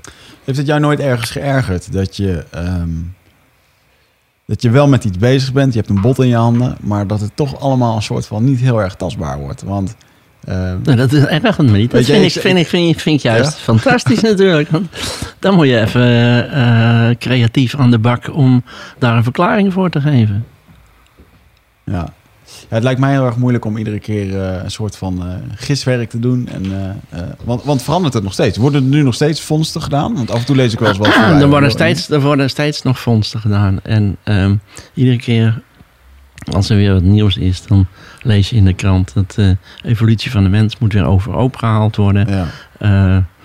Ja, Voor jou heeft dat een redelijk stabiele... voor mij is het een redelijk stabiel geheel. Ja. Ik bedoel, je hebt die vier fases die ik zei. Die Australopithecinae, dus die rechtoplopende apen, Homo erectus en zijn groep, eh, Homo of de Neandertaler, wat voor mij eigenlijk ook een erectus-achtig is. Mhm. En dan die Homo sapiens. Ja. Dus, ja, en daarin binnen ehm, eh, heb je allerlei fondsjes. En dan kun je zeggen van nou, dat is de voorouder van die. Want deze is 7 miljoen jaar oud en die is 5 miljoen jaar oud. Dus, Ja. en ja, dat... eh, Dat is een beetje het fruitvliegniveau. eh. ja. Klinkt als gekut in de marge eigenlijk. Ja. Want zijn er nog, eh, zijn er nog grote controverses of eh, gaten in de kennis waar we nog... Waarvan ze zeggen, nou deze moeten we nog even oplossen. En als we dat vinden, Nou dan... ja, dat is, het is een en al gat. Ik bedoel, het is, eh, Ja, Even tussendoor, Ja. ben jij trouwens Het nog is, een eh, thee of water of iets anders of niet? ja, maar hij heeft, hij heeft hier heeft hij, eh, Oh, oké. dat- Water dat- neergezet en er ja, staat nog koffie. Maar als je een kopje thee wil, ja, misschien... Hij heeft, eh, hoe heet het, eh, komkommer ingegooid. Dat vind je niet lekker. Ja, Dat is heel gezond. Ja, ja, dan Wil je een beetje normaal water? Dat hebben we ook. was ik al bang voor dat Ja, het hem was. Ja? Wij eh, kregen onlangs van een van onze luisteraars eh, de opmerking dat we onze gasten wel eens een keertje drinken en eten moesten geven, omdat het gesprek twee uur duurde. Dus nu proberen we daar heel erg attent op te zijn. Ja, kijk, dat is beter. Dat is ongezond, dus eh, dat gaat Ja. goed. Ja, nou, we hebben hier gasten gehad die het niet eens waren met die stelling, omdat eh, het komt uit een plastic flesje. En dat plastic zou, eh, ja, dat kan je aantasten. Ja, maar we hebben ook mensen gehad die zeggen... je mag niet praten over gezond. Je hebt het over minder optimaal. Beter. Sarai, weet je nog?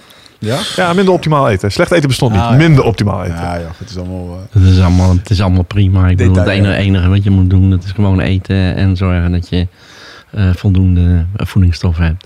En waar dat vandaan komt, maakt niet uit. ja, is, eh, Daar kun je ook hele lange gesprekken over voeren.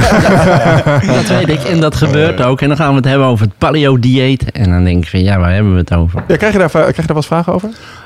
Nou, ik hou ze af. Want Ja. eh, dat is oeverloos. Maar wat maakt het oeverloos? Nou, die Homo erectus en die andere beesten hadden gewoon wat voor hun voeten kwam. En om in leven te blijven. Ja, ja, ja. ja. Met andere Ja. woorden, als er zakken chips hadden gelegen, hadden ze ook gewoon opgegeten. hadden ze ze ook opgegeten. Ja. Ja, dat begrijp ik al. Ja, want het is natuurlijk gewoon het. het ehm, ehm, is er wel iets, ehm, een soort van spoor te trekken, ehm, hoe groot dat de afstand was dat eh, de Homo erectus bijvoorbeeld aflegde van, van in zijn leven? Bijvoorbeeld, eh, Dick die had het erover dat de mammoet, eh, die konden ze dan een soort van tracken, eh, dat hij ja, in zijn leven zoveel kilometer zou lopen. Is dat ook iets wat Nee. bekend is? Nee. Hmm, ik Je mis vindt- antwoorden hier. Ja, dat, dat maakt niet uit. Je, vindt- je, vindt, je vindt hier en daar Hmm. stukjes mens, fossiele mens. Ik bedoel, ik kijk hier op die tafel die eh, twee bij vier meter is of zoiets. Zoiets. Ja. Ehm, als we de unieke stukken daarop leggen, dan hebben we die tafel gevuld. Hmm. Dus je vindt in Afrika vind je wat eh, botten. En dan heb je in de Manisi in Georgië vind je een aantal stukken. Hele Britse, eh, of het voormalige Britse, eh, Indiase subcontinent. Vind je weer niks. En dan vind je in Java vind je weer een flink aantal stukken. China een flink aantal stukken. Nou, gaan we maar eens berekenen hoe dat... eh, ja, dat is inderdaad echt ontzettend groot. ja, dus een antwoord kan ik echt niet geven. Mag ik een kleine zijsprong maken? Want jij hebt nog een andere specialiteit. En eh, die gaat over de T-Rex. Maar dat is wel echt even iets heel anders. Dat is heel anders, ja. Ja. Nou, een specialiteit. ehm Naturalis Mhm. wil een, wilde een echte T-Rex hebben. Ja. Nou, dat hebben we uitgezocht. En ergens op de prairie in eh, eh, Wyoming eh, of Montana, weet ik veel. Waar is dat? Wyoming, waar is dat? Noord-Amerika. Ah, oké. ja, oké. Ja. En nou, daar zijn we heen gegaan en, en die hebben we uitgegraven. En die komt volgend jaar naar Nederland toe. Kijk. En daarnaast hadden we ook een plek gevonden met eh, vier van die triceratopsen. Dat zijn van die bulldozers met van die drie van die horens op Ah, hun kop en een groot schild. Ja. Ehm, of je daar iets bij voor kan stellen. Ja. Mogen wij ons trouwens in dat opzicht nog vasthouden aan het eh, klassieke beeld van eh, dinosauriërs dat ons in de films eh, is eh, voorgehouden? Want ik las recentelijk een artikel dat ze namelijk aanzienlijk ehm, meer... ze hadden veren, sommige dinosaurus. Enig idee hoe dat zit? Eh, nou, er zijn dat? een aantal dinootjes gevonden met eh, eh, afdrukken van veren. Hm. En nou zie je in één keer gebeuren dat eh, steeds meer van die dino's veren krijgen. Maar een hele hoop is nergens op gebaseerd. Ja, dus daar waar ze echte veren hebben, of tenminste waar duidelijke afdrukken zijn, oké. maar om nou meteen T-Rex een veer Hmm. te geven, Ja. gaat maar wat ver. Want de, de relatie is misschien niet heel voor de hand liggend, maar er schijnt wel een lijn te zitten tussen gevogelte en dinosauriërs in dat opzicht. Dat is het idee. Ja, Ja, die zijn Dat, familie eh, van elkaar. Dat, dat, eh, dat die vogels uit de eh, bepaalde groepen van dino's zijn gekomen. Ja, ja, en daar komt het hele verenverhaal een beetje vandaan. En daar komt het verenverhaal vandaan. Maar je had drie van die, hoe noemde je net? T-Rex en je had er nog drie. Drie, nee, drie ceratops. Oh, Tricera. ja, sorry, eh, Tricera. Ja, oké, check. Dat zijn dan van die bulldozers met Ja. drie van die horens op de kop. En die gaan naar Nederland komen nu. En die is men nu eh, aan het opgraven. En eh, die komen hopelijk ook naar Nederland.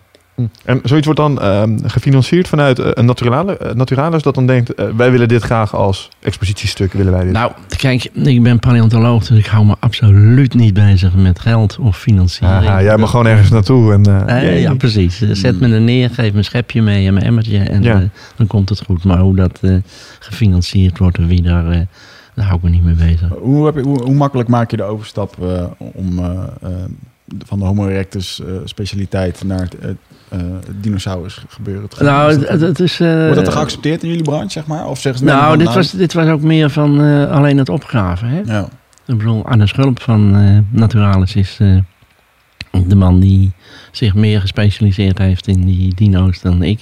ja. Maar ik kreeg de uitnodiging om mee te gaan om op te graven. nou, oké. zeg je Nou, natuurlijk geen nee tegen. hè? Nee, Nee, precies. Ik bedoel, dus eh, dan wil ik me wel opofferen. mooi. Dus is dat een van de... eh, eh, ja, we hadden het straks even over de hoogtepunten. eh, daar zei je van, er zijn heel veel mooie momenten geweest. Maar ehm, worden er nou nog wel eens vondsten gedaan, of heb jij zelf wel eens een vondst gedaan die echt wat heeft betekend in jullie branche? Waarvan je denkt van, nou, dat hebben we Nou, dus gedaan. bij, bij die, dat kleine mensje, Mhm. ja, dat op Flores is gevonden. Ja. Waardoor je op een gegeven moment toch opnieuw moet gaan bedenken van hoe is dat ontstaan. Mhm. Ehm, dat is wel iets waarvan ik zeg van, ja, dat is toch wel een hoogtepunt. En dan zitten jullie s'avonds uh, uh, strak van de adrenaline rond de kampvuur uh, dat te bespreken. En, Eh, te discussiëren, ja. Met ja. een, met een eh, glas wijn of, of een, eh, een biertje. En dan worden de theorieën steeds mooier. Mooi is En dan kun je ze 's morgens weer wegspoelen. Ja, zijn, er, zijn er in dat opzicht... eh, eh, we hadden het dus over gekke theorie gesproken. Hè? We, wij hadden er straks even een van onze stokpaardjes um, over... Joh, waarom zijn mensen slimmer geworden? Was um, Stoned Ape Theory, waar we het over hadden. Hè? Dat de bomen teruggingen en dat de apen uit de boom kwamen... plots paddenstoelen begonnen te eten. Zijn er uh, nog wel een aantal van die... Um, nou ja, theorieën of uh, modellen in jullie uh, specialisme... die enigszins out there zijn, maar die wel interessant zijn om over na te denken? Zo van, ja, het is waarschijnlijk niet zo, maar het is...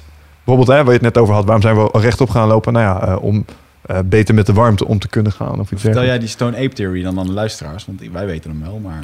Nou ja, lang verhaal kort. Um, de uh, klimaatwijziging die heeft plaatsgevonden zo om en nabij de ijstijd... heeft ervoor gezorgd dat ehm, de bomen dus ehm, terugtrokken.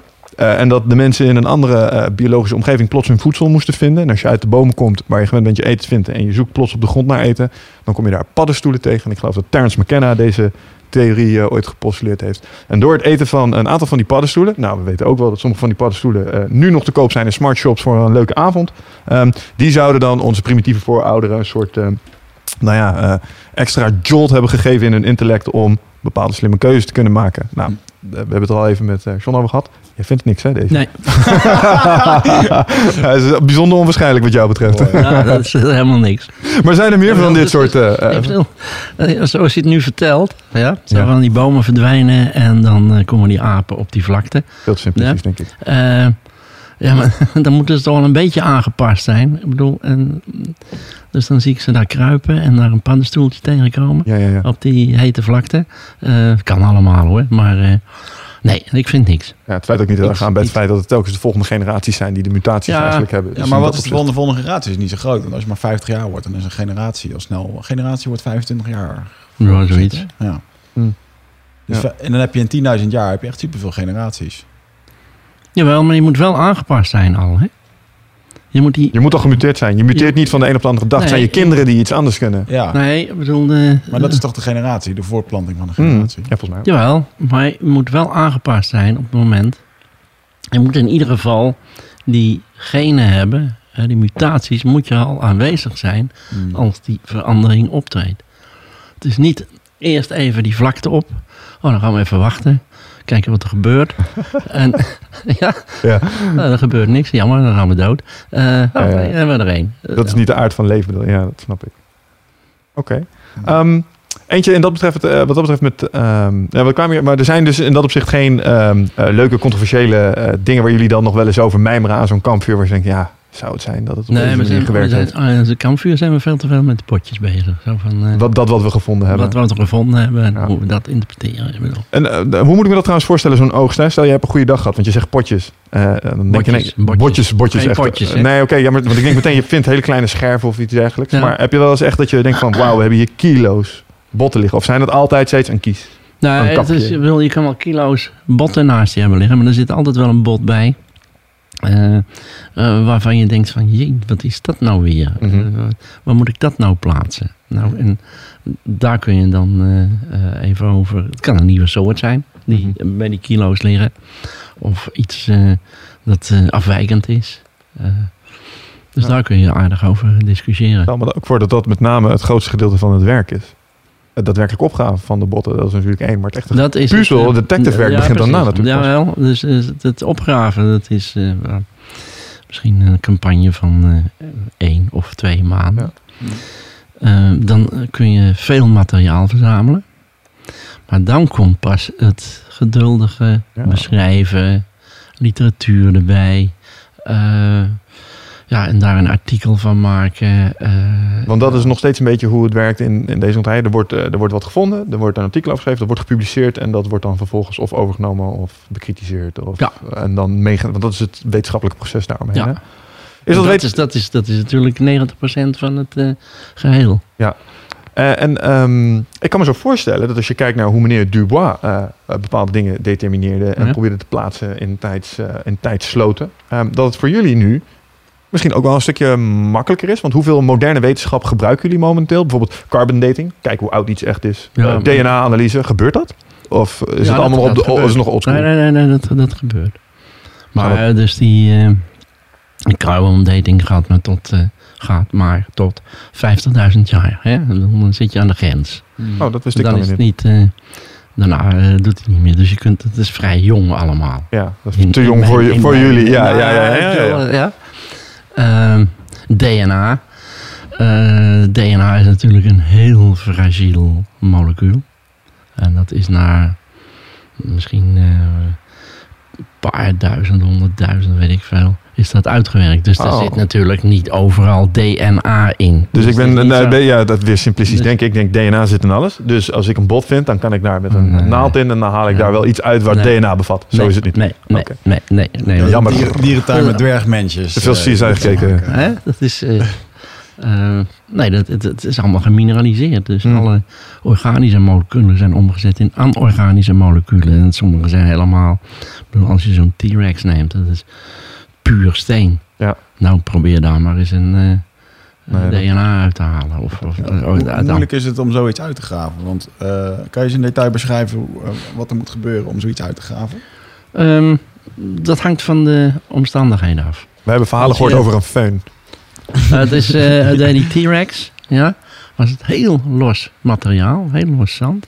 Dan kon je dat zo met je hand wegwuiven in een kwastje en dan kon je dat helemaal schoonmaken. En, Als je het een beetje in de films hebt Ja. gezien, dan zitten mensen daar. ja, precies. Dat is altijd, kaartjes dat erbij, is altijd foto's, ja. National Geographic. En, eh, Dat is het beeld dat ik heb bij archeologie. Of eh, bij in ieder geval dit soort... Ja, sorry. Ja, excuses. Ja, nee, ja, Ah, nee, daar ben ik heel streng in. ja. Indiana Eh, Jones, bad, ja. Indiana Jones-achtige tafereel. Ja, maar dat is een archeoloog. Dat is- ja, dit, wij zijn paleontologen. Dus, ja, precies. Ik ben er heel streng in. Ja, dat snap ik. Veel, ge- veel, veel gebruikte misvatting, denk ik, of niet? Deze, deze correctie zul je wel vaker moeten doen, Ja. stel ik me zo voor. Ja, dat is, eh, eh, Nederland weet eigenlijk niet Wat het verschil is. wat het eh paleontoloog is. Ja, dus archeologie kennen ze allemaal, maar paleontologie nu met die T-Rex en, en Jurassic Park en dat soort Kijk jij graag naar dat soort films? Hè? Kijk je graag Ja. naar dat soort films? Ja, vind je leuk? Ja? Ja, Ja, nou, het kan maar zo zijn dat je als een specialist naar kijkt en denk je, oh, dit hebben ze verkeerd gedaan en dat is niet Ja, dat goed. geeft En- niet. nee, Dat dat is, nee, oké, dat is een goede houding. Dat, is toch prima? Want eh, op grond daarvan, hè, van die eerste Jurassic Park films, is men opnieuw gaan berekenen eh, hoe hard die kon lopen en of dat, of dat ei nou wel van die grote Oh, ja. kon vallen, of Mm. dat allemaal niet stuk ging. Dus dat geeft allemaal weer nieuwe eh, Impulsen. dingen. En voor de rest is het entertainment. Ik bedoel, ik vind het leuk om te zien. Ja. Ik bedoel, Snap ik. Even terug naar de opgraving, want eh, oh ja, we waren, dus dat is... eh, ehm, dat eh, dus dat is heel makkelijk. Mhm. Ja? Eh, soms dan eh, zit het. eh, eh, ik had eh, eh, twee weken geleden nog een wat je noemt een, brexie. Dat is een cementachtig iets waar de botten of de, de kiezen gewoon in zitten. Mm. Nou, dan moet je ze echt uithakken. Nou, dus dan ben je wel lang mee bezig. Hakken met, en dan zit je echt met een bijteltje en dan Een hamertje, bijteltje, ben je dat een gewoon zelf aan en doen. dan eh, proberen dat er... eh, hands-on gebeurt, er, gebeurt het dan ook dat je op een gegeven moment een stuk, dat zie ik dan zo voor me, dat je dan zo'n stukje steen eraf probeert te slaan en die dan per ongeluk ook nog een stukje bot meeneemt. Ja. Als je dat, dat gebeurt. dat gebeurt. Ja, dan sta je te vloeken. eh, Ja, dan sta je hè? te Dan vloeken. vloeken. Hoop je dat, nie- hoop je dat niemand het ziet. Nou, nee. dit, dit bot is beschadigd, jongens. Ja, Het is nee, door nee, mensen nee. gedaan. Nee, nee, nee, nee. Want, want de grootste vriend van een paleontoloog is een tube lijm. Ja? Oh, ja. Oh? Dus eh, dan lijm je het en dan, eh, als je het tenminste terug kan vinden. Je moet het wel zo doen Ja. dat je, als je het stukje, dan lijm je het weer en dan eh, schaaf je het weer af. Ehm, dat is een manier. Dus Dat moet een geruststellend idee zijn als je bezig bent met hakken. Ja, want anders dan eh, durf je niks meer aan te raken. Nee, nee. Nee, dus dat kun je gewoon lijmen. Mm. En, eh, ehm, nou, het ene uiterste is heel soepel. Met de föhn. Nou, dat deed Dick, Dick met die... eh, De gle- Eh, eh, Ja. ja. precies. Dus dit haar met de föhn. Nou, eh, wij niet, maar je zou het weg kunnen blazen, als het ware. Ehm, dat is de ene uiterste. De andere uiterste is eh, heel moeilijk. Dus dan, eh, ik heb plekken gehad waar die botten zo door elkaar zaten. Mm. Door elkaar heen als mikado dingen. Eh, dat is een ramp. Want om één te redden moet je er soms tien stuk maken. Mm. Ja, om één. Dus dat is een... eh, Wordt het ineens een soort triage? Ja. Moet je gaan kiezen welke je wil gaan Ja. bewaren? Ja, eh, het liefst allemaal. maar Ja, soms, natuurlijk. Soms lukt dat niet. En ehm, in Vietnam hadden we een eh, grot waarin eh, ook zo'n brexie zat. En ehm, mooi aan het plafond hing. En dat hebben we toen met dynamiet naar beneden gehaald. Oh, er, er, er hing een fossiel aan het plafond. Nou, fossielen, hè? Dus een, eh, er hingen eh, fossielen aan het plafond. Ja. En, En toen heb je dynamiet gebruikt. en toen hebben we dynamiet. Lekker subtiel. Ja, dat is. eh, Nou, ik moet er wel bij zeggen dat ze zaten bij een groeven. En dan waren van die groevenarbeiders Die precies wisten waar ze. Nou, dat was dan mijn volgende vraag geweest. Wat doe jij met standaard dynamiet in je rugtas? Maar daar heb je dus eh, wel Ja, dat- specialisten dat, voor gebruikt. Dat was, eh, ja, Ja. precies. En die weten precies van als ik hem daarin stop en daar een gat maak en daar. En dan krijg je precies het blok wat je hebben wil. Dat is stiekem wel een stuk spectaculairder als je verwacht bij eh, paleontologie. Ehm, Niet het eerste waar je aan denkt, dingen opblazen. Nou, Ja, dat- Of was het niet de eerste keer dat je dingen hebt opgeblazen om Dus, bij... eh, Nou, dat was wel de eerste keer, maar het was eh, in de 1936 was dat in Zuid-Afrika door Brome die eh, fossiele mens probeerde te vinden. mhm. Was dat heel gebruikelijk. Het was allemaal keihard materiaal. Ja. En om wat te vinden, ehm, dan kun je natuurlijk eh, de hele dag gaan zitten hakken en niks vinden. Of je neemt een stukje dynamiet en je kijkt eh, eh, of er iets in zit. Mhm. Mm. Zijn er nou in dat opzicht ook, want je hebt het nu over Vietnam en je hebt een aantal plekken op de wereld genoemd. Zijn er nou nog plekken waar we echt heel graag zouden willen graven, maar waar we niet mogen graven? Eh, waar ik zag. eh, ja, nou, bijvoorbeeld omdat de, de, de politieke situatie daar gewoon Ja, niet maar bij dat is, dat is overal. Ik bedoel, wel? in- ja, wel in Pakistan hebben we tot 1990 gegraven. En toen kwam eh Randens eh, met zijn duivelsverzen. En eh, ja, toen zijn we, eh, zijn we weggegaan en we zijn er nooit meer teruggekomen. Ik bedoel, dat was in Kashmir en het was toch al niet echt rustig. Het zat tegen de grens van Afghanistan aan. Mhm. En daar heb je die tribal areas eh, waar het eh, eh, gewone reguliere leger niet inkomt. Ja, en Mm. soms wilden ze ons beschermen, maar dat leek ons geen goed idee. Want eh, dat vinden die tribal areas weer niet leuk. Dus je kunt beter Zonder bevriend, bevriend worden met de hoofd van de tribal area dan dat je bij het reguliere leeft. Hmm. Ehm, dat is niet veilig. Dat wel spannend Eh, geweest trouwens. Ja, dat, dat heb je niet in Niet de gaten. door, niet, oké. niet in de gaten op het moment dat het allemaal gebeurt. Hè? Maar wel eens doe dat je achteraf zoiets dacht van... hmm, Ah, ik beter niet kunnen doen. Nee, eh, ik bedoel, dat doe je. Eh, dan, dan heb je niet in de gaten eh, dat het gevaarlijk kan zijn. ja, Ja? Want je neemt wel risico's, maar zo verantwoord mogelijk. Dus ja, ja. je gaat er niet heen van nu ga ik eens Dit gaat mislopen. Nee, natuurlijk. Dus, eh, dus daar kijk je wel vooruit. Ehm ja, Filipijnen. Eh, was ook een vallei waar we werkten. En dat was toen door communisten bezet. Dat is nu helemaal schoongeveegd. Eh, er zijn wel ja, gebieden waar eh, je even niet naartoe moet. Mhm. Mm. Dat is gewoon minder verstandig.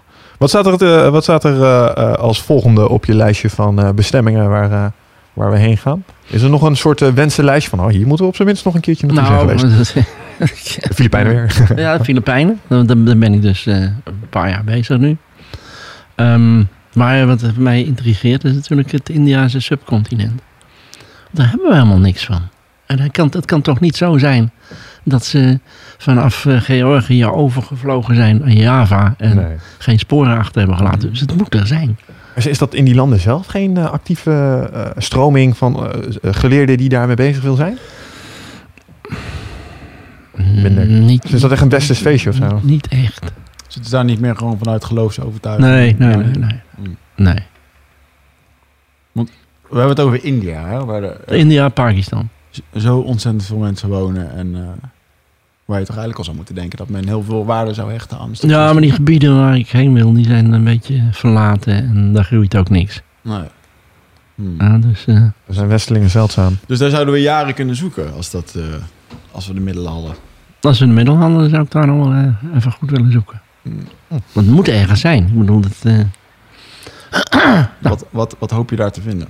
In je, best, in je beste wens. Nou, die Homo erectus. Hmm. Ik bedoel, Het idee is dat die eh, van Afrika naar Azië is getrokken. Ja.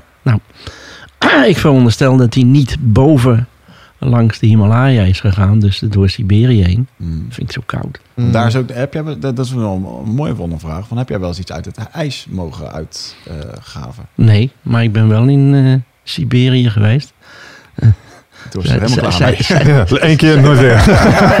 Dan zei hij lachend, want ik zat in uh, Kimmerovo, dat is een, een van die zuidelijke provincies. Hmm. En eh, het is een hoofdstad met 800.000 inwoners, dat realiseer je ook niet. Dat, eh, dat is dat, eh, 800.000. eh, ja, Ja. ik bedoel, het zijn gigantische steden. En, ehm, maar het ligt in het zuiden, dus eh, ehm, we hadden toen een, eh, ehm, met Dick samen een eh, mammoet in elkaar gezet. Van materiaal dat uit de Noordzee kwam. Alleen we misten stoottanden. En het idee was, we gaan in Siberië naar stoottanden zoeken. Niet in het hele koude, maar een beetje in het zuiden. Eh, nou, rivieren langs gelopen en je vindt ontzettend veel. Ehm, het was, eh, ik had heel veel kleren meegenomen. Het was 30 graden. 30 graden boven nul. Ja, In Siberië. ja. Die is dus hier niet aankomen. Dat is maar heel kort, die Ja. periode. En het was alsof ik eh, ergens op de Veluwe zat. Het is, eh, een hele hoop planten kon ik herkennen. Hm. Eh liepen van die Friese koeien met Russische, Russische cowboys. Oh, ja. Ja.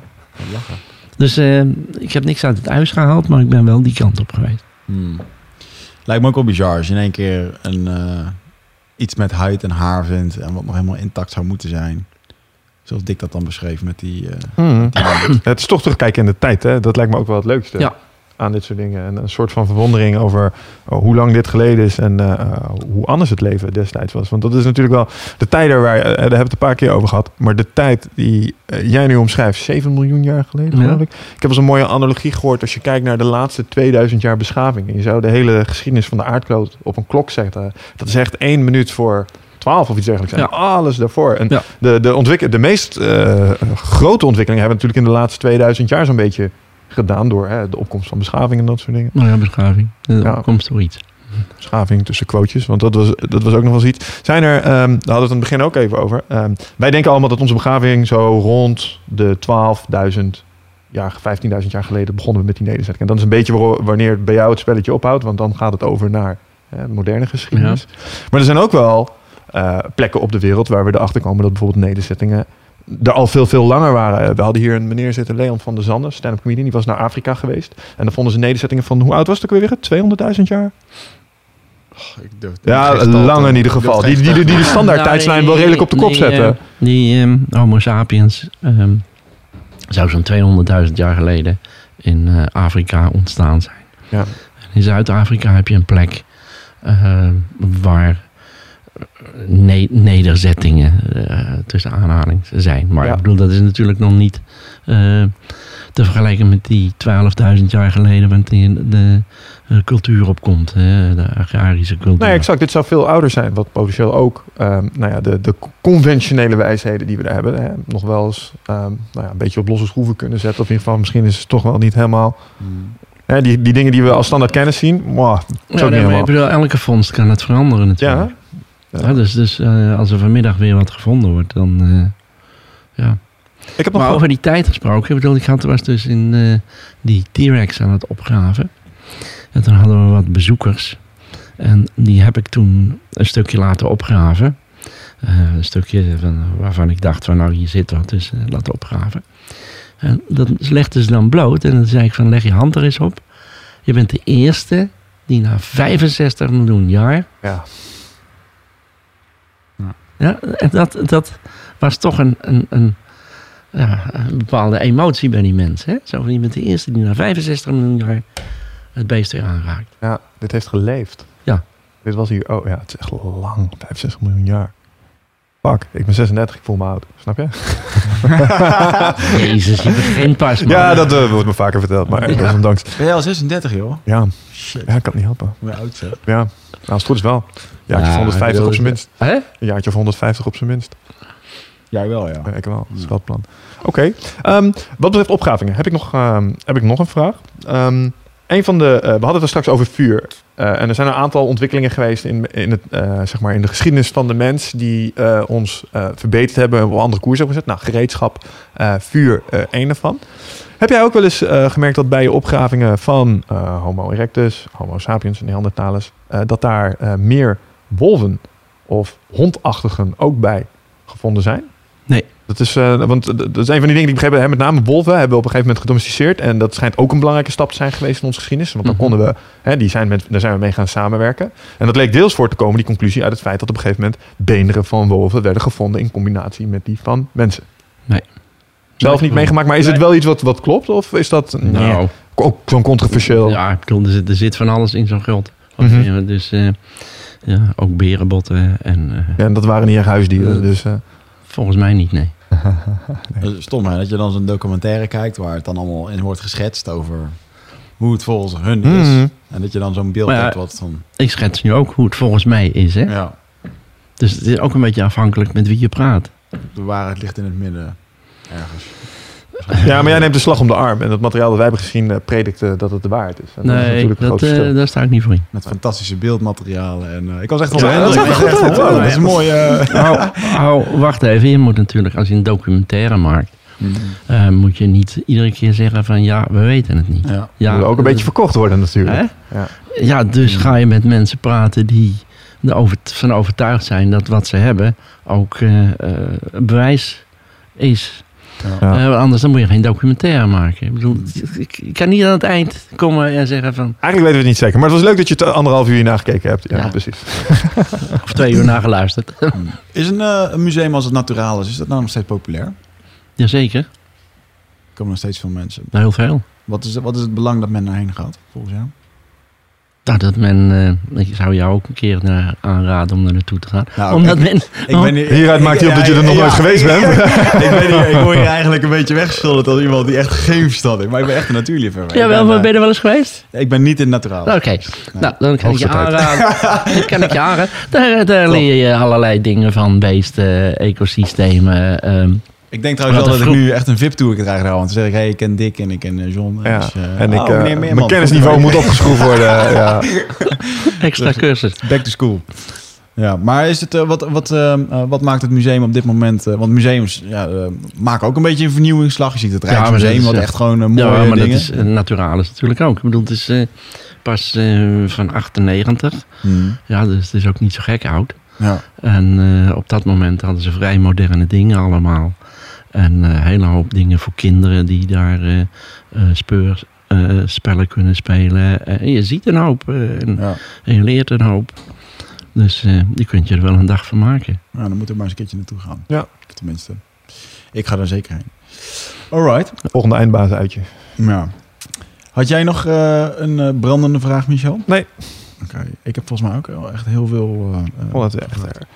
Kunnen wij jou ergens... eh, ben je ergens online te vinden? Kunnen mensen stukken die je hebt geschreven ergens downloaden of inzien? Of eh, voornamelijk bij Naturalis. Maar zijn er, eh, kunnen mensen jou ergens eh, Nee. vinden? Nee. Op YouTube. Ja. Ik heb jou ook op YouTube gevonden. Oké, nou, dat, dat, dat- dat- daar schijn ik nogal op te staan. En bij Naturalis hier en daar. En, eh, maar ik heb geen... eh, Jij doet het echt voor de hobby, hè? Jij doet het voor de passie. En niet voor de, ehm, voor de eh, uitstraling naar de buitenwereld of Nee. een stukje verkopen. ja, ik vind dat mooi. Ik, eh, moet daar, eh, ik- we hebben hier veel gasten in de studio. En eh, af en toe merk je wel als een soort van... iedereen wil goed overkomen. Eh, maar je merkt bij sommige gasten dat ze het echt alleen doen voor de passie. En Voor ook de- al heel de wereld instorten... Dan, eh, dan zou jij nog steeds met... eh, met je lijm. En je schepje ja, in het zand gaan zitten. Ja, precies. Ja, Nou, ik vind dat mooi. Ik vind dat mooi in ieder geval. Ja. Oké, wij gaan in ieder geval bij ons op de website een aantal links eh, erbij eh, vermelden naar wat dingen waar we over hebben gepraat.